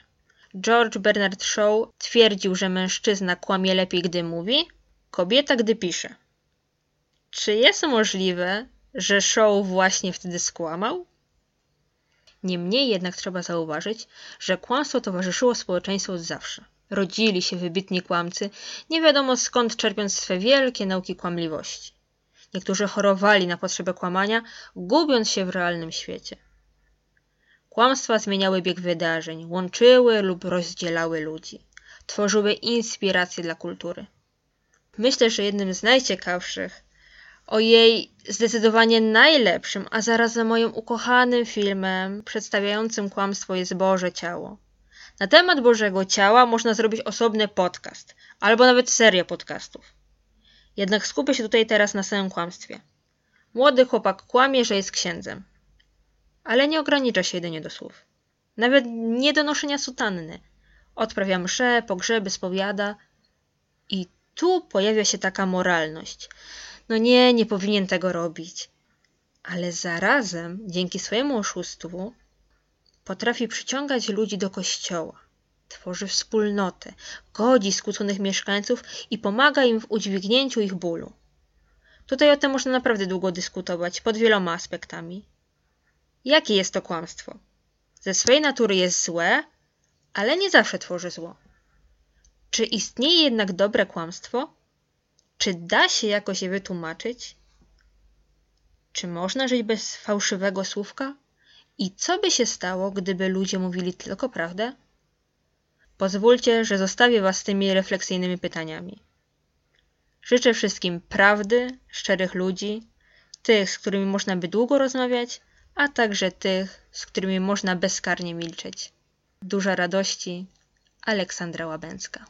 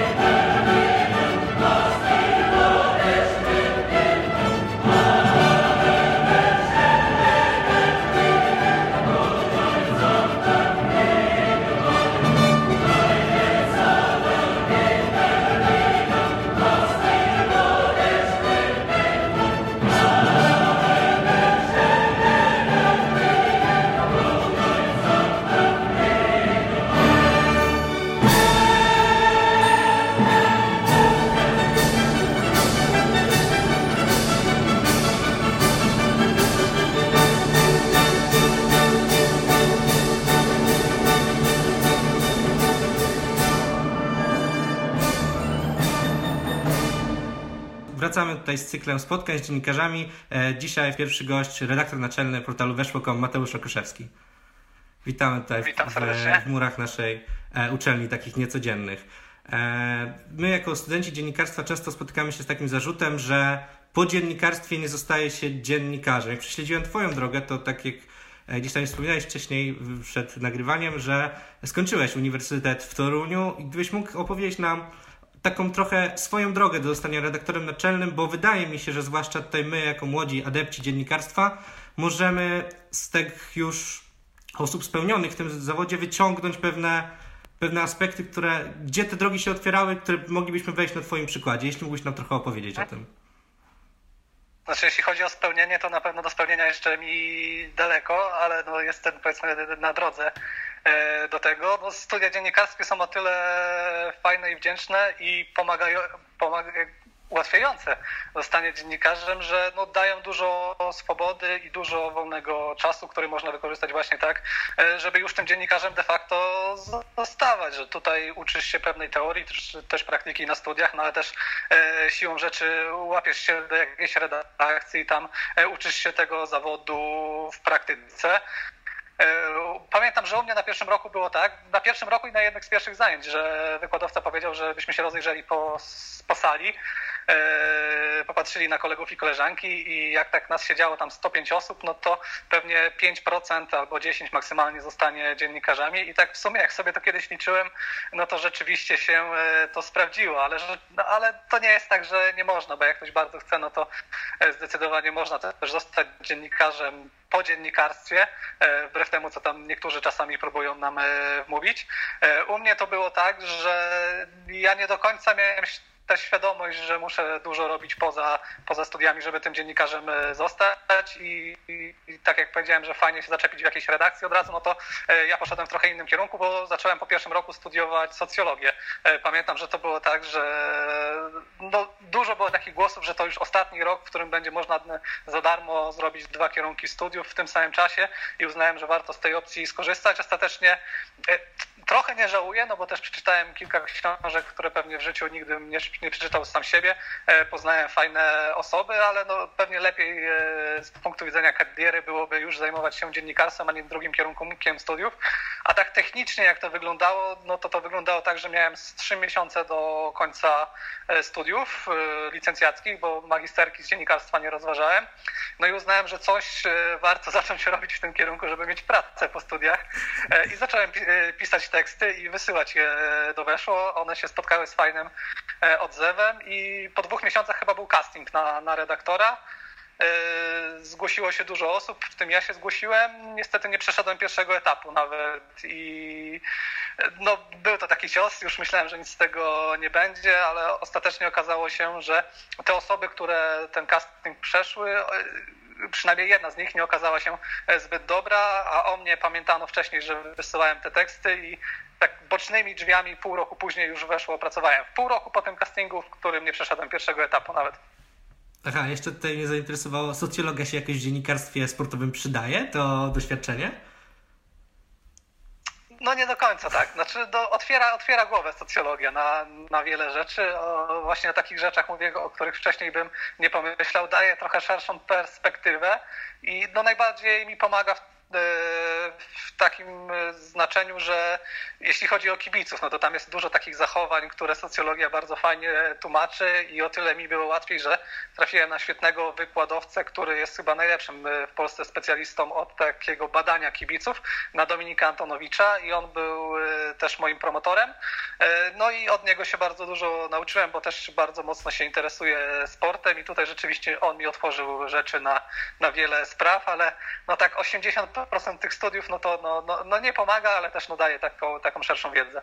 Mhm, rozumiem. Właśnie jak zostałeś e, dziennikarzem weszło. Dziennikarze weszło, same teksty na weszło mi się kojarzą z taką mocną szyderą, ciętym językiem. Teraz jakby z tego co mi się wydaje jesteś odpowiedzialny też za rekrutację między innymi nowych dziennikarzy, prawda? No Jakbyś tak, mógł- właśnie no. jesteśmy na ostatnim etapie castingu, Aha. y, który bardzo długo trwał. Na takim etapie, że no było, zgłosiło się ponad 520 osób i zostało teraz 6 i te 6 osób ma miesiąc próbny, no i tak spotkamy się w połowie listopada, no i, i, i ustalimy, kto zostaje z nami, jak to nie. No właśnie chciałem, żebyś może, jeśli możesz, wskazać taką triadę cech, jaką powinien mieć dziennikarz weszło, bo wydaje mi się, że na tle innych dziennikarzy sportowych weszło się wyróżnia rzeczywiście. Znaczy, ciężko to będzie zrobić o tyle, że my dążymy do jak największej różnorodności, że jednak fajnie, fajnie się różnić, fajnie też patrzeć inaczej na e, niektóre tematy. E, Na pewno pracowitość to, to, to jest podstawa, bo do, skończyły się czasy panów redaktorów, którzy przychodzą do redakcji e, i piszą jeden tekst na tydzień albo nie wiem, siedzą dwa miesiące nad jednym e, tematem i go dopieszczają, że tu jednak trzeba teraz e, dość mocno zasuwać. Czasami ta praca naprawdę jest wymagająca tak, pod takim względem godzinowym, bo trwa, nie wiem, 15 godzin, 16 godzin, e, jak bardzo dużo się dzieje. Oczywiście są też takie dni, że ta praca trwa 3-4 godziny e, i, i, i masz wolne, bo już zrobiłeś wszystko, co powinieneś e, zrobić, ale no, z tym się stykam bardzo często, że ludzie, którzy nie mają doświadczenia i przychodzą do nas, często myśleli, że to jest dużo łatwiej, że, no, że wygląda to inaczej, że my sobie tak naprawdę siedzimy, oglądamy mecze czy gramy w FIFA i dobrze się bawimy w swoim towarzystwie, a w wolnych czasach od tego e, si- siadamy na 15 minut i piszemy tekst. No nie, to wygląda to zupełnie, trzeba, trzeba, trzeba, się mocno przykładać. No tak, to na pewno. E, ale właśnie jeszcze pozostał w tej specyfice Znaczy, wesz, weszło. taka cecha, która też mi Polsce, e, typu one, typu sportowe fakty i tak dalej, e, czy nawet przegląd sportowy, tylko żeby spróbować inaczej, trochę może e, właśnie z szyderą, z uśmiechem, czasami też z kilkoma dosadnymi e, słowami e, i to jest rzeczywiście pewien problem, żeby e, taką kreatywność znaleźć, bo nawet jak był ten casting i na pierwszym etapie tego castingu było zadanie, żeby podsumować sezon w Ekstraklasie, no to trzeba przyznać, że 70% tych tekstów było dokładnie takich samych. No, najczęściej jak jest taki słynny filmik w internecie, chyba pan z Radomia mówi, że wspaniały był to rok, nie zapomnę go nigdy i coś tam, coś tam, no to bardzo wiele tekstów na przykład zaczynało się od parafrazy tych słów, że wspaniały był to sezon, nie zapomnę go nigdy. Później oczywiście bardzo odkrywcze stwierdzenie, że sezon trwał dokładnie 366 dni przez pandemię e, koronawirusa i to jak gdyby nie było dyskwalifikujące dla kandydatów, e, tylko że e, ja wolę trochę inaczej, tak? Wolę jak w tym wszystkim jest jakiś pomysł i, i jeśli ktoś się odróżnia e, od reszty. No właśnie, chciałem zostać jeszcze przy tej szyderze. O, to jest takie moje pytanie, czy, bo często się spotykam pod artykułami weszło z takimi zarzutami, że e, skupia się w tych artykułach przede wszystkim na jakiejś kontrowersji, na tym, żeby zaskoczyć użytkownika, e, jakiegoś tam odbiorcę. Czy przez to nie zatraca się obiektywizmu, żeby chęcią szokowania? Znaczy, tak naprawdę mam wrażenie, że rozmawiamy o weszło sprzed iluś tam lat, że to rzeczywiście kiedyś było bardzo e, bardziej widoczne i rzeczywiście może czasami ta forma przesłaniała treść, bo no, z takimi zarzutami się e, spotkaliśmy, no ale też weszło się zmienia cały czas. Zmienia się powiedzmy z tym, że wiele osób razem z weszło dorasta, że trochę inaczej podchodzisz do życia i do, do wszystkiego, jak masz 18 lat, 20 lat, 22, a inaczej jak teraz jesteśmy e, no już nawet nie chłopakami, tylko gośćmi koło 30 w, w, duż, w dużej mierze. I też inaczej, inaczej podchodzimy do, do piłki nożnej, też patrzymy trochę pewnie z większą wyrozumiałością na wiele rzeczy, ale ten profil weszło mocno się zmienił, ale no, ja i tak nie wyobrażam sobie weszło bez, bez tej e, szydery. E, Poruszyłeś pojęcie obiektywizmu, no te teksty nie są obiektywne. To w zasadzie my, my nie robimy dziennikarstwa praktycznie takiego, znaczy robimy, ale rzadko, bo no, są teksty powiedzmy, które nie są obarczone żadnym e, komentarzem czy wywiady i tak dalej, ale to jest powiedzmy w większości publicystyka, tak? A po publicystyce możesz sobie pozwolić na, na, na trochę więcej, w zasadzie nawet musisz sobie pozwolić na trochę więcej. No właśnie miałem też zapytać o to, czy rolą dziennikarza sportowego jest bardziej oddanie tych emocji z wydowiska sportowego, czy poszerzenie, powiedzenie czegoś więcej, nadania nowego kontekstu i właśnie zadrwienia z czegoś. Bo wydaje mi się, że większość portali jest takich bardzo bezpiecznych, jeśli chodzi o to. Przekazują informacje wprost i nie ma tego komentarza, który się pojawia na weszło. No tak, no ale piłka nożna, przynajmniej ja wychodzę z takiego założenia, że to są przede wszystkim emocje, tak? Jak podchodzimy do tego e, e, w taki sposób, że po prostu będziemy pisać minuta po minucie, co się wydarzyło, e, albo no, byli bardzo bezpieczni w opisywaniu wydarzeń, które często są bardzo nietypowe, no to ludzie mogą, ludziom może się zapalić taka lampka i powiedzieć, że i mogą powiedzieć, że no, no to jest zbyt, zbyt nudne i dlaczego takie wydarzenie jest sprzedawane e, w taki sposób. E, U nas trochę też jest inna publika, trzeba powiedzieć, bo trochę inaczej jest, jak piszesz tekst pod e, czytelnika, który pewnie nie widział meczu i albo jakiegoś wydarzenia, albo nie wie o czym mowa, do, o, o jakimś e, e, zdarzeniu, bo często tak jest właśnie na tych dużych portalach. U nas, do nas bardziej wchodzą ludzie, którzy już oglądają mecze i z ich perspektywy przedstawienie takiego suchych wydarzeń na boisku, no to no nie jest żadną atrakcją, bo oni tam godzinę wcześniej widzieli to na stadionie czy w telewizorze, do nas wchodzą właśnie po to, żeby, żeby, żeby wiedzieć, co my myślimy o tym wydarzeniu i też co oni powinni myśleć. Takie, takie mam wrażenie. A wiesz, masz dostęp do takich informacji, które treści w ogóle na weszło się najlepiej klikają, są najbardziej pożądane? Czy na przykład jak jest okres reprezentacji, to widać jakiś pik wyświetleń? Nie, no to, to generalnie jest głupia sprawa, bo ja no, nie znam żadnych statystyk, jeśli chodzi o weszło. Aha. Czasami, czasami co, coś, coś mi tam mignie, że ktoś, ktoś tam się napina muskuły, że, że ma więcej od nas, albo no z drugiej strony to jest przyjemne, że stanowimy dla kogoś punkt odniesienia zawsze, no ale no też trzeba wiedzieć skąd ruch wynika często, bo no, jak sobie odpalimy niektóre portale, no to to jest po prostu taki ruch śmieciowy wynikający z tego, że, yy, że ktoś rzucił krzykliwym tytułem, że ktoś tam e, wrzucił mema i tak dalej, i tak dalej. U nas ten ruch jest bardzo taki organiczny, wynikający tylko z naszych autorskich treści, co jest fajne. E, Może nie wygląda najlepiej w takich zestawieniach właśnie, ale, ale jest to ruch wartościowy, bo koniec końców e, chodzi o to, czy ten ruch można zmonetyzować. My mamy taki ruch, który można zdecydowanie zmonetyzować, a nie o niektórych, e, o niektórych portalach pewnie tego e, powiedzieć nie można. Co się klika najlepiej? O to spytałeś. Tu może trochę bym obalił taki mit, bo e, często mówi się, że weszło żyje właśnie z jakichś porażek, z kompromitacji, w top i tak dalej, że generalnie media wolą jak, jak się dzieje źle, bo wtedy jest o czym pisać, a prawda jest taka, że no, napędzają nas wszystkich e, sukcesy polskich drużyn, e, przede wszystkim czy polskich zawodników, bo ja mam porównanie bardzo dobre, bo my mieliśmy kapitalny ruch w trakcie Euro 2016, kiedy reprezentacja dotarła do e, ćwierćfinału i to naprawdę było tak, że niezależnie od tego, jaki tekst napisałeś, no to go przeczytało mnóstwo osób i i tak wtedy Krzysiek często mówił, Krzysiek Stanowski często mówił o tych statystykach i no, bo sam był pozytywnie zbudowany tym, jak to wyglądamy. Potem był Mundial w 2018 roku, gdzie też były duże e, oczekiwania. No i Polska zagrała tak, jak Polska zazwyczaj grywa na mundialach, tak, że dwa mecze i tam trzeci już e, o honor i to i to nie były jakoś super udane Mistrzostwa Świata dla, e, dla nas jako portalu. Nawet tak historycznie patrząc, no to e, można sobie sprawdzić, w ilu egzemplarzach rozchodził się przegląd sportowy w latach 70. bodajże, który był tam złotą dekadą polskiego sportu, e, jeśli chodzi o Igrzyska Olimpijskie i tak dalej, i tak dalej. To wtedy był największy nakład w historii, przynajmniej jeśli dobrze pamiętam to ze studiów, no to rzeczywiście e, tak to wyglądało, a zobacz, jak zmieniła się, zmienił się sposób dystrybucji. E, ta gazeta w latach 90. była pewnie dużo fajniej opakowana i tak dalej. Wszystko rozwinęło się do przodu. E, no to rozwinęło się do przodu, no rozwinęło się po prostu.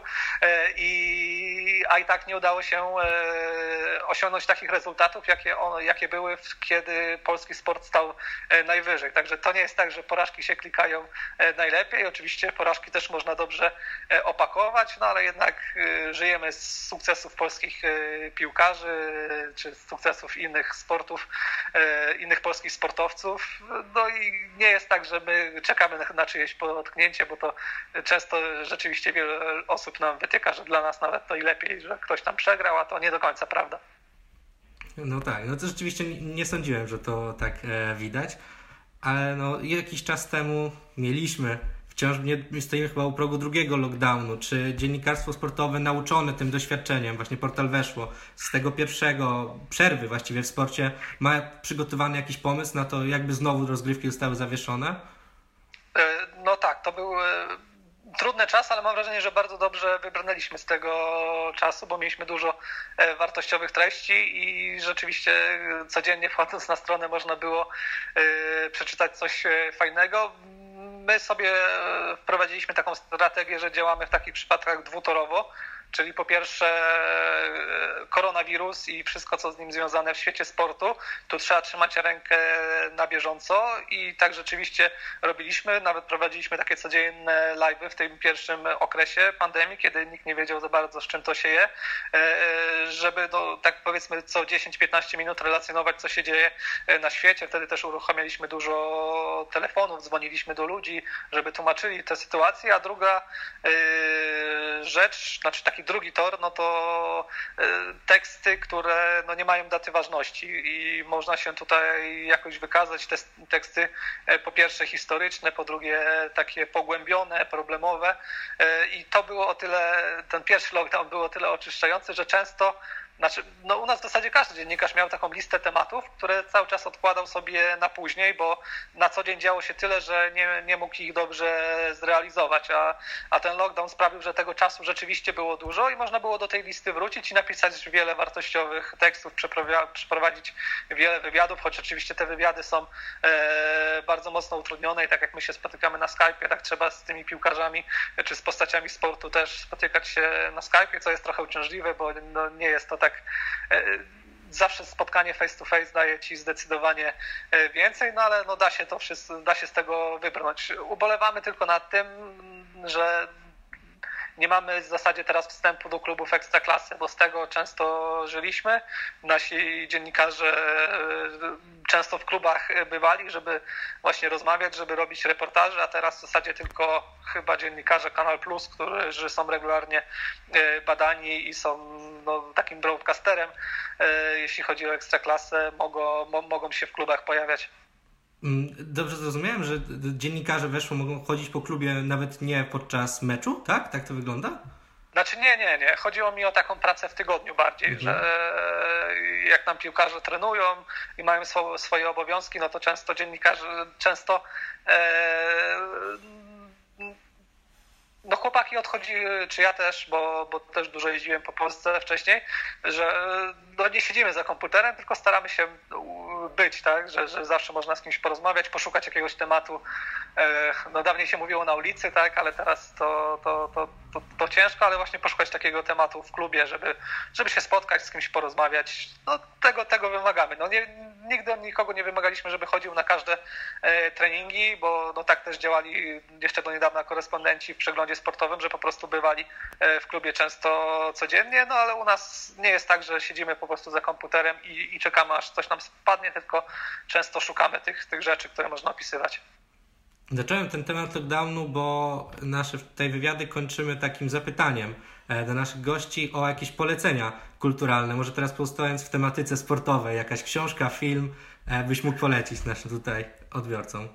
Ojej, za ciężko, ciężko, bo ja tak muszę powiedzieć że rzadko czytam książki piłkarskie. Kiedyś czytałem dużo, szczególnie biografii, ale w pewnym momencie miałem przesyt, bo wydawało mi się, że one są po prostu z, jedne, z jednej taśmy schodzą i, i wyglądają bardzo podobnie. Często dotyczyły zawodników, którym gdzieś tam się noga powinęła, tak, i mieli jakieś problemy z uzależnieniami, e, z, z hazardem e, i tak dalej, i tak dalej. I po, w pewnym momencie uznałem, że nie ma sensu czytać kolejnej e, takiej historii, więc no już bardziej od, odchodzę od tego. No generalnie ostatnio mam mało czasu na czytanie, bo no jak jak gdyby zostanie redaktorem naczelnym wiąże się z tym, że więcej czytasz niż piszesz. I jak tak sobie e, przeczytam, nie wiem, 200 tysięcy znaków jednego dnia, no to już jak wieczorem siadam, No tak. e, no to jeszcze jak mam czytać kolejne rzeczy, nawet jeśli to jest bardzo, bardzo fajne, no to, no to, no to jest, jest, ciężko. Czy już wolę sobie włączyć serial, nawet jakiś głupi, żeby się odmurzyć. Dobrze, to dziękuję bardzo za tą Ale żeby nie było, że nic nie polecam, to uważam, że najlepszą książką sportową, jaka kiedykolwiek powstała, jest e, biografia Andrea Gassiego, Open, Mhm. E, bo też nie traktuje stricte o sporcie, tylko o takiej skomplikowanej e, psychice sportowca i pokazuje z innej strony, z czym taka osoba się na co dzień musi zmagać. Także jeśli ktoś może sięgnąć po, znaczy chce sięgnąć po jedną książkę sportową, no to ja bym mu polecał zdecydowanie e, tę książkę. No akurat nie czytałem, także może też nawet sam spróbuję. Dziękuję bardzo za rozmowę. Dzięki wielkie. I like the way you look at me, it's like a movie scene. Don't wanna move when I'm all you see. I like knowing I'm yours and being so sure you're mine.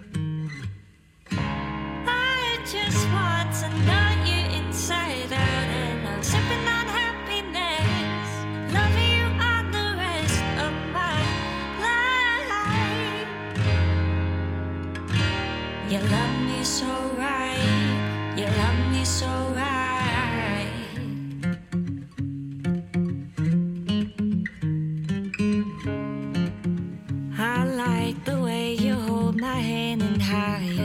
understand the words I don't say. You fill in the blanks. I like the way that you laugh and how you never hold back from me.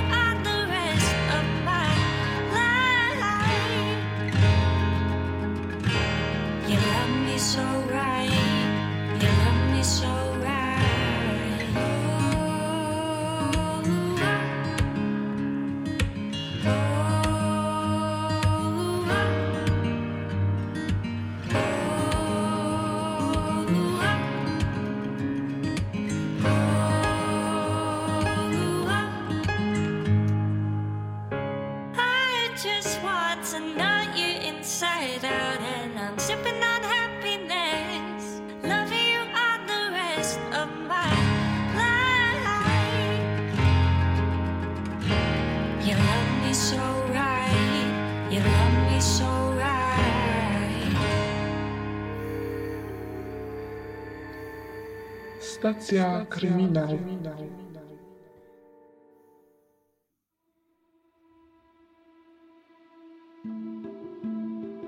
Witam Was. Z tej strony Kinga Piera i zapraszam Was do wysłuchania mojej nowej audycji Stacja Kryminał. Dzisiaj opowiem Wam o rodzinie Watsów. O historii, która mrozi krew w żyłach. O tragedii, której się nie spodziewaliśmy. To była taka idealna rodzina. Dobrane małżeństwo, dwójka uroczych dzieci i wielki dom. Takie życie po amerykańsku, o którym marzy się chwilę po dorosłości. Patrzę na stare zdjęcia, oglądam te filmiki, które zostały i nie wiem, co poszło nie tak. Nie wiem, kiedy w tak dobrym środowisku, pełnym światła, urodziło się zło. Shannon i Christopher Watts poznali się w 2010 roku. Dwa lata później wzięli ślub. Uchodzili za szczęśliwe małżeństwo i chyba takim byli. Już w 2013 roku urodziła się ich pierwsza córeczka, Bella. I długo nie musiała czekać na swoją siostrę, bo w 2015 roku urodziła się Celeste. Tworzyli taką rodzinę, na którą patrzy się z pewną zazdrością. Tworzyli obraz, na który patrzyło się z podziwem i którego się pożądało. Shannon prowadziła niezwykle aktywne konto na Facebooku, gdzie zamieszczała nie tylko posty, ale też filmiki, na których dzieliła się swoim całym życiem. Była idealną matką kobietą, która w pełni poświęciła się rodzinie, a przy tym potrafiła to połączyć ze zdalną pracą i budowaniem kariery. Czego tak szczęśliwa rodzina może jeszcze chcieć? Odpowiedź przyszła sama, kiedy Shannon ogłosiła swoją ciążę. Na zamieszczonym przez nią filmiku Chris jest taki zadowolony. Liczy, że to będzie chłopiec, dopełnienie ich rodziny. I to był chłopiec.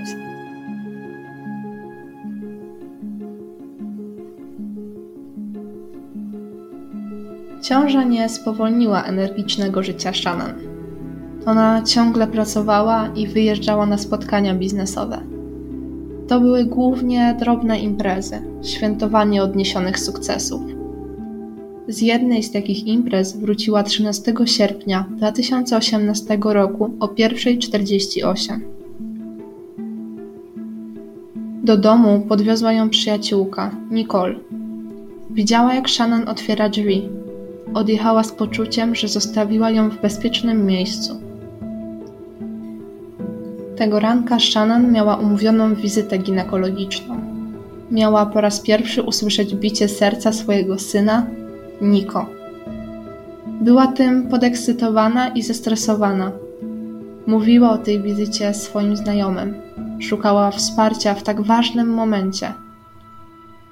Nicole napisała rano do przyjaciółki z pytaniem o wizytę, ale ta nie odpisała. Zaniepokojona kobieta kilkukrotnie dzwoniła i pisała do Shannon, ale nie uzyskała od niej żadnego znaku życia. Okazało się, że Shannon nie stawiła się na wizytę lekarską. Nie była aktywna w mediach społecznościowych. Nie było z nią kontaktu. Nicole wiedziała, że jej przyjaciółka pracuje za pomocą telefonu.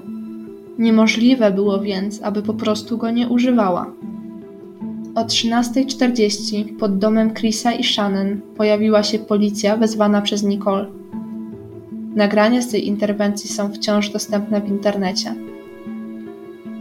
Zaniepokojony mąż pojawia się chwilę po telefonie od Nicole i wpuszcza do domu funkcjonariusza oraz przyjaciółkę żony wraz z jej synem. Wstępnie przeszukują dom, ale nie ma tam nic. Nie ma tam nikogo. Telefon Shannon leży wyłączony w salonie, ale nigdzie nie ma ani jej, ani dzieci. Auto kobiety wciąż stoi w garażu. Torebka, klucze, portfel oraz leki dla dzieci leżą w salonie.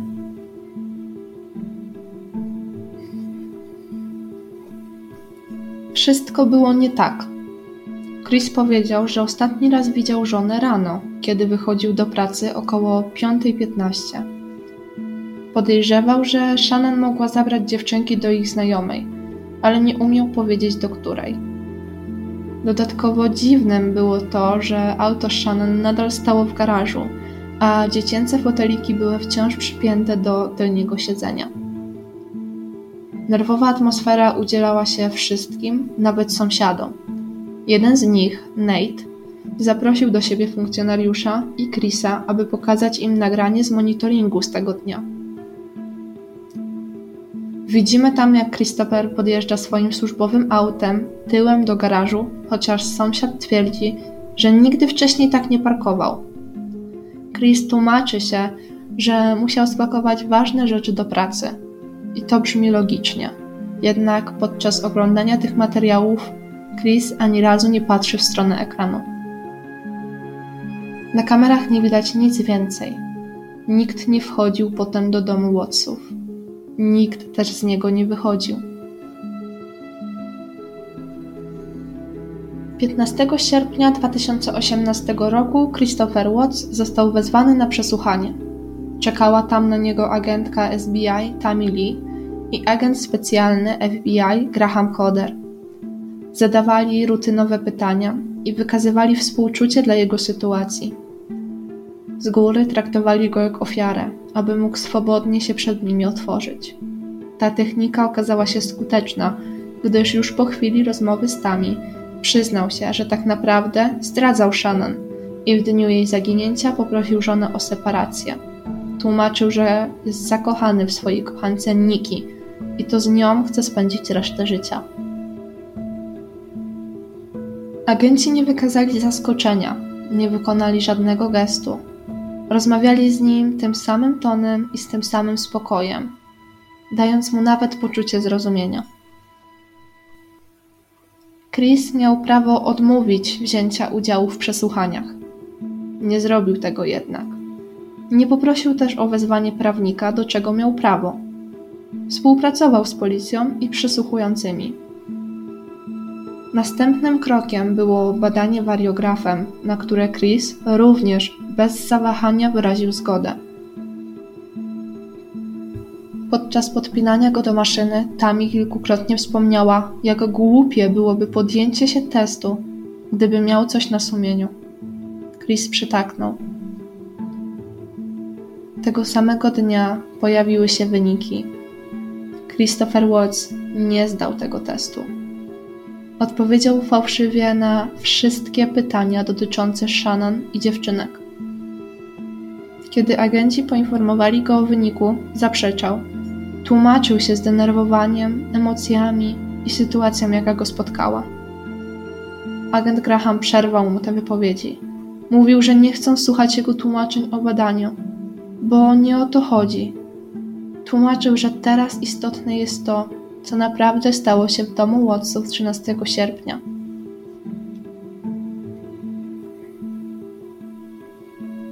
Christopher nie powiedział nic. Tłumaczył zły wynik badania wariografem. Mówił, jak bardzo kocha swoje dzieci i że liczy na ich powrót. Wtedy agentka Tami zapytała: Skoro tak za nimi tęsknisz, czemu nie uroniłeś ani jednej łzy? Nie widziałam cię smutnego. Mówisz, że chcesz ich powrotu, ale w ogóle tego nie pokazujesz. Christopher jak na zawołanie zaczął telepać się na krzesełku, jakby chciał wymusić płacz, ale łzy nie nadeszły. Mówił, że nie płacze, bo liczy na to, że wrócą. Po chwili jednak zmienił ton wypowiedzi i mówił, że bardzo by chciał, żeby jego dzieci wróciły do domu. Wszystko stanęło w martwym punkcie. Martwym, ale dość klarownym punkcie.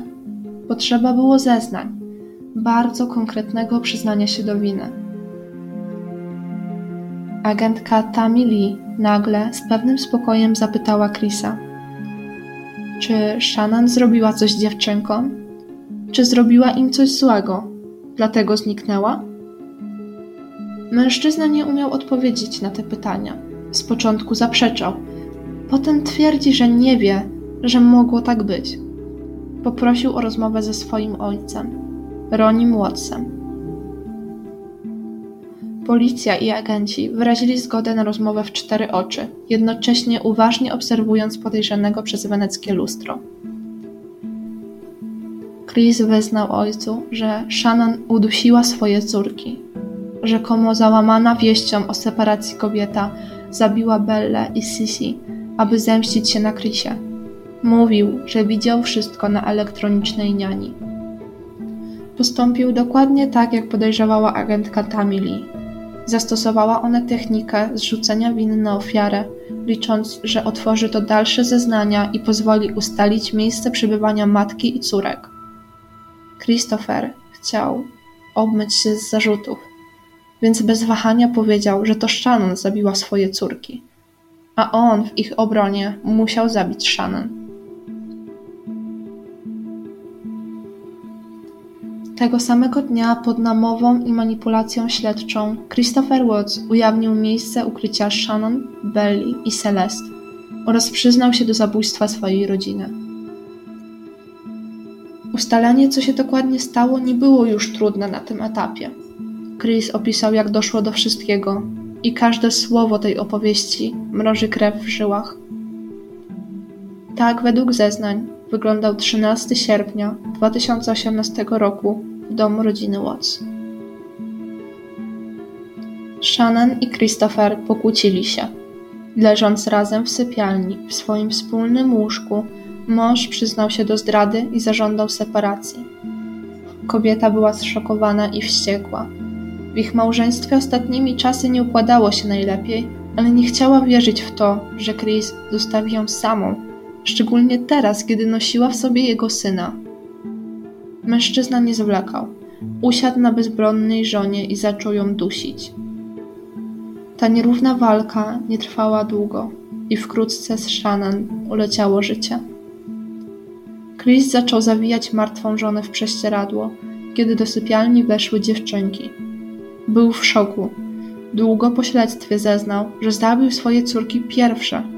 Był pewien, że je udusił, a jednak weszły do sypialni i zapytały, co się dzieje z ich mamą. Być może umysł psychopaty zaczął szwankować. Może wyobrażał sobie ten moment tak długo, że granice rzeczywistości zaczęły się zacierać. Spakował ciało żony do furgonetki, posadził dziewczynki na tylnym siedzeniu i pojechał w miejsce swojej dotychczasowej pracy. W odosobnione miejsce ze zbiornikami ropy naftowej. Swoją młodszą córkę, Sisi, udusił pierwszą jej różowym kocykiem. Bella zaniepokojona pytała, co się stało z jej siostrą.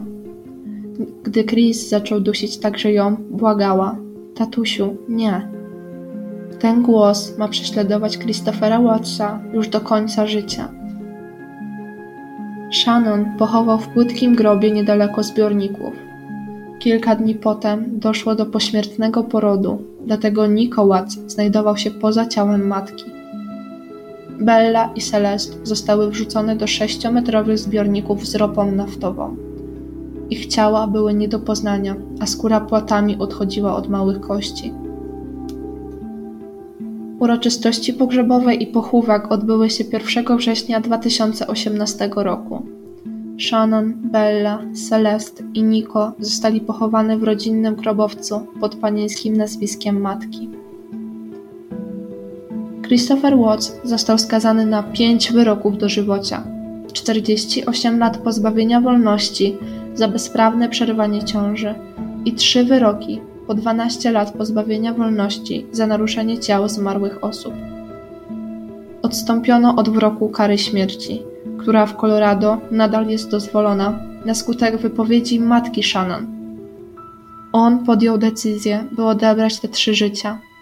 Ja nie chcę podejmować decyzji, by odebrać jego. Na sali sądowej rodzice Chrisa ogłosili, że wybaczają swojemu synowi. Mówili, że nie są w stanie zrozumieć, dlaczego tak się stało, ale dają mu swoje wybaczenie. Spotkało się to z dużym szokiem publicznym i pobudziło wiele plotek. Niektórzy sądzą, że rodzice Chrisa, jak i jego kochanka Nikki, mieli swój udział w śmierci Shannon i dziewczynek. W końcu nienawidzili swojej synowej. Ale tego nigdy nie potwierdzono. Na Netflixie znajdziecie cały dokument o tej sprawie pod tytułem Morderstwo po amerykańsku Zwyczajna rodzina. Zachęcam Was do obejrzenia całości. Znajdziecie tam nagrania z przesłuchania i interwencji policji, a także prywatne materiały rodziny. Jeśli wierzycie też w sytuacje paranormalne, to koniecznie przyjrzyjcie się nagraniom z domu Wattsów. Można tam dostrzec duchy dziewczynek, usłyszeć ich chichot, a nawet krótkie wypowiedzi. Jeśli tylko wierzycie w takie rzeczy, to przypatrzcie się uważnie. Uważajcie na siebie, bo zło czai się wszędzie. Słyszymy się za dwa tygodnie w stacji Kryminał.